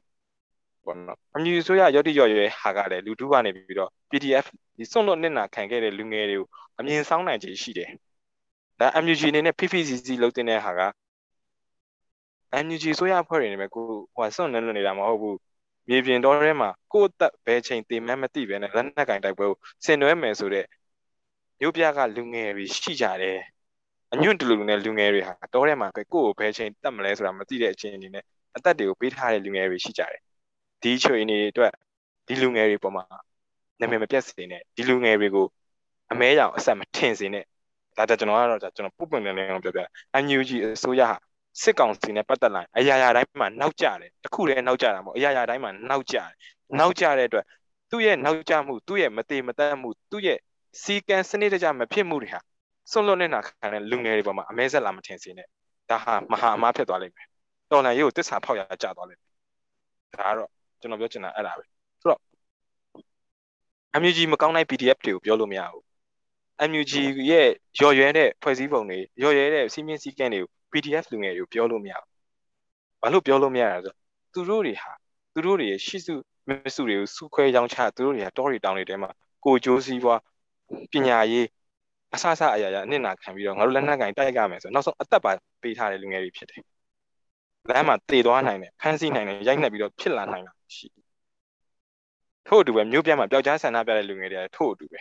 မင်းတို့တွေလှုပ်လို့ငါတို့တွေရဲ့လမ်းကိုတညလုံးဝင်စစ်ခံရတယ် ငါတို့ကတညပဲဝင်စစ်ခံရတာအဲ့ဒီမှာဖမ်းမိသွားရင်အဲ့ဒီမှာဖမ်းမိသွားအဲ့ကလေးတွေကဘလောက်ဘယ်နဲ့နှစ်မှမသိဒုက္ခတွေရောက်မှာနောက်ပြီးငါတို့နိုင်ငံကြီးကဘယ်နဲ့နှစ်မှမသိပဲခွေးတွေရှိရောက်သွားလိမ့်မယ်ဒါကိုစဉ်းစားတင်တယ်တညတာအောင်မစဉ်းစားနဲ့ငါတို့တွေရဲ့လူငယ်တွေရဲ့ဘဝတွေနိုင်ငံရဲ့အခြေအနေနိုင်နှစ်ပေါင်းများတော့စဉ်းစားပြဖို့ကျွန်တော်တို့မြစ်တာရက်ခင်ချင်ဆိုတော့ PDF ကလူငယ်တွေကိုလေးစားမယ်ဆိုရင် MUG ဆိုရကိုပဲပြ MU ရော်ရဲမှုကိုဝေဖန်ထောက်ပြခွင့်ရှိတယ် PDF လူငယ်တွေကိုထိခိုက်ခွင့်မရှိဘူး။ဘာကြောင့်လဲ။သူတို့ဟာ သူတို့ရဲ့အကျိုးစီးပွားတွေအားလုံးဆွတ်လွတ်ခဲ့တဲ့လူတွေအတွက်အဲ့ဒီတိုင်းပဲကိုမလုံနိုင်မယ်နဲ့မပြောရဘူးဆိုတဲ့ဟာမျိုးကိုကျွန်တော်ကနေပြီးတော့နည်းနည်းဟိုဒီဟာနေပြီးတော့ကျွန်တော်ပြောလိုက်ချင်တယ်ဗျ။ဒါကတော့ဟုတ်ကဲ့အကိုပြောတာဒီ NUG အစိုးရရဲ့လိုအပ်ချက်တွေလည်းပြောရတယ်ပေါ့နော်ကျွန်တော်တို့အာဒီဒီလိုမျိုးမျိုးပေါ်နေလူဒန်းစားလူတရက်လူဒန်းစားတရက်အနေနဲ့လည်းအကိုပြောသွားလို့ပေါ့ဟိုအဲခုနပြောရမယ်ဆိုရင်အကိုပြောသွားတဲ့စကားလိုပဲကျွန်တော်တို့မျက်တောင်တဆုံမကြည့်ပဲနဲ့မျက်စိတဆုံကြည့်ဖို့လိုတယ်ပေါ့နော် အဲဆိုတာမျိုးကျွန်တော်ဟိုဟာဖြစ်တယ်ပေါ့နော်ဟိုရလိုက်တယ်ပေါ့နော်အကိုပြောရတဲ့မှာဆိုရင်ကျွန်တော်တို့အကိုပြောချင်တာကတော့ဒီအဲ NUG အစိုးရကိုဝေဖန်နေဆိုရင်တော့မှဒီ PDF တွေကိုကျွန်တော်တို့ကအတိမတ်ပြုပြုပြုရမယ်ပေါ့နော်ဒီအတိမတ်ပြုတဲ့အနေနဲ့လည်းကျွန်တော်တို့ကသူတို့ပို့ပြီးတော့အာထောက်ပံ့မှုတွေပို့ပြီးတော့လုပ်ရမယ်လို့လည်းကျွန်တော်ဟိုနားလည်လိုက်တယ်ပေါ့နော်ဟုတ်ကဲ့ဟုတ်တယ်ဗျဟုတ်တယ်ဗျ ဟုတ်ပါအဲ့တော့ဟိုနောက်ဆုံးအနေနဲ့ဒီ NUG ပေါ့နော်အခု NUG အစိုးရပေါ်မှာအခုသူတို့အနေနဲ့ပိုကောင်းအောင်ဘာတွေလုပ်တင်တယ်ပေါ့ကျွန်တော်ပြောနေတာသူတို့မှားတာတွေမှန်တာတွေကျွန်တော်မပြောတော့ဘူးဗျာအဲ okay let's say how to improve ပေါ့သူတို့ဘယ်လို improve ဖြစ်အောင်ကျွန်တော်တို့ကကျွန်တော်တို့ပြည်သူတွေအနေနဲ့ပေါ့ဥပမာထားပါဒီလိုမျိုး online သုံးနေနိုင်တဲ့လူတွေဒီလိုမျိုးမျိုးပေါ်မှာနေနေနိုင်သေးတဲ့လူတွေအနေနဲ့ဘယ်လို ဒီဟာကိုကောင်းအောင်ကျွန်တော်တို့ဝိုင်းပြီးတော့တွန်းလို့ရမလဲပေါ့အဲဘယ်လိုဟုတ်ကဲ့အဲ့ဒါလေးတစ်ချက်ဆွေးနွေးပြပါ NUG ဆိုရတော့ပြောစရာတစ်ခုရှိတာ၃ချက်ပါပဲပထမတစ်ခုကဘာဖြစ်လဲဆိုရင်လူထုလူထုကိုတန်ဖိုးထားပါတစ်ချက်ပါလူထုကိုတန်ဖိုးထားပါပြည်သူကိုတန်ဖိုးထားပါနောက်တစ်ချက်ကဘာလဲဆိုရင်လူထုကိုတည်င်းအမှားတွေမပေးပါနဲ့ နောက်တစ်ခုကဘာဖြစ်လဲဆိုရင်တော်လန်ရေးကာလမှာတော်လန်ရေးစကားပဲပြောပါနိုင်ငံရေးကိုနိုင်ငံရေးစကားတွေမပြောပါနဲ့ဘာကြောင့်လဲဆိုတော့တော်လန်ရေးကာလအဲ့ချက်၃ချက်ပေါ့တစ်ချက်ချင်းစီပြန်ရှင်းပါမယ်လူထုကိုလေးစားဖို့ဆိုတာကတချို့ဟာတွေကလူထုကနေပြီးတော့ရုံရုံကြည်ကြည်နဲ့လှုပ်လိုက်တဲ့အရာတွေလူထုရုံကြည်ပုံအပ်လိုက်တဲ့အရာတွေဟိုလန်ရုံမြို့တစ်လျှောက်တနိုင်ငံလုံးမှာလဲနေလဲနေလေအောင်အနာထားပြကြရတာဒီနော်ဆိုတော့ဟို ဟိုလူထုကိုလေးစားပါတဲ့ချက်ကဘုံရန်သူရှိစေခြင်းနဲ့စစ်တပ်ကနေပြီးတော့ negotiate လုပ်လိုက်ရင်ပြန်ပါသွားမယ့်အမျိုးတွေမဖြစ်စေချင်ဘူး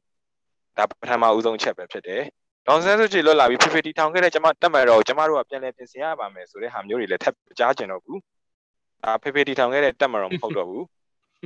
ဆိုတော့အဲ့လိုမျိုးဟာတွေလည်းမကြားကျင်တော့ဒါလူထုကိုလေးစားပါဆိုတဲ့ဟာမျိုးကလူထုဟာ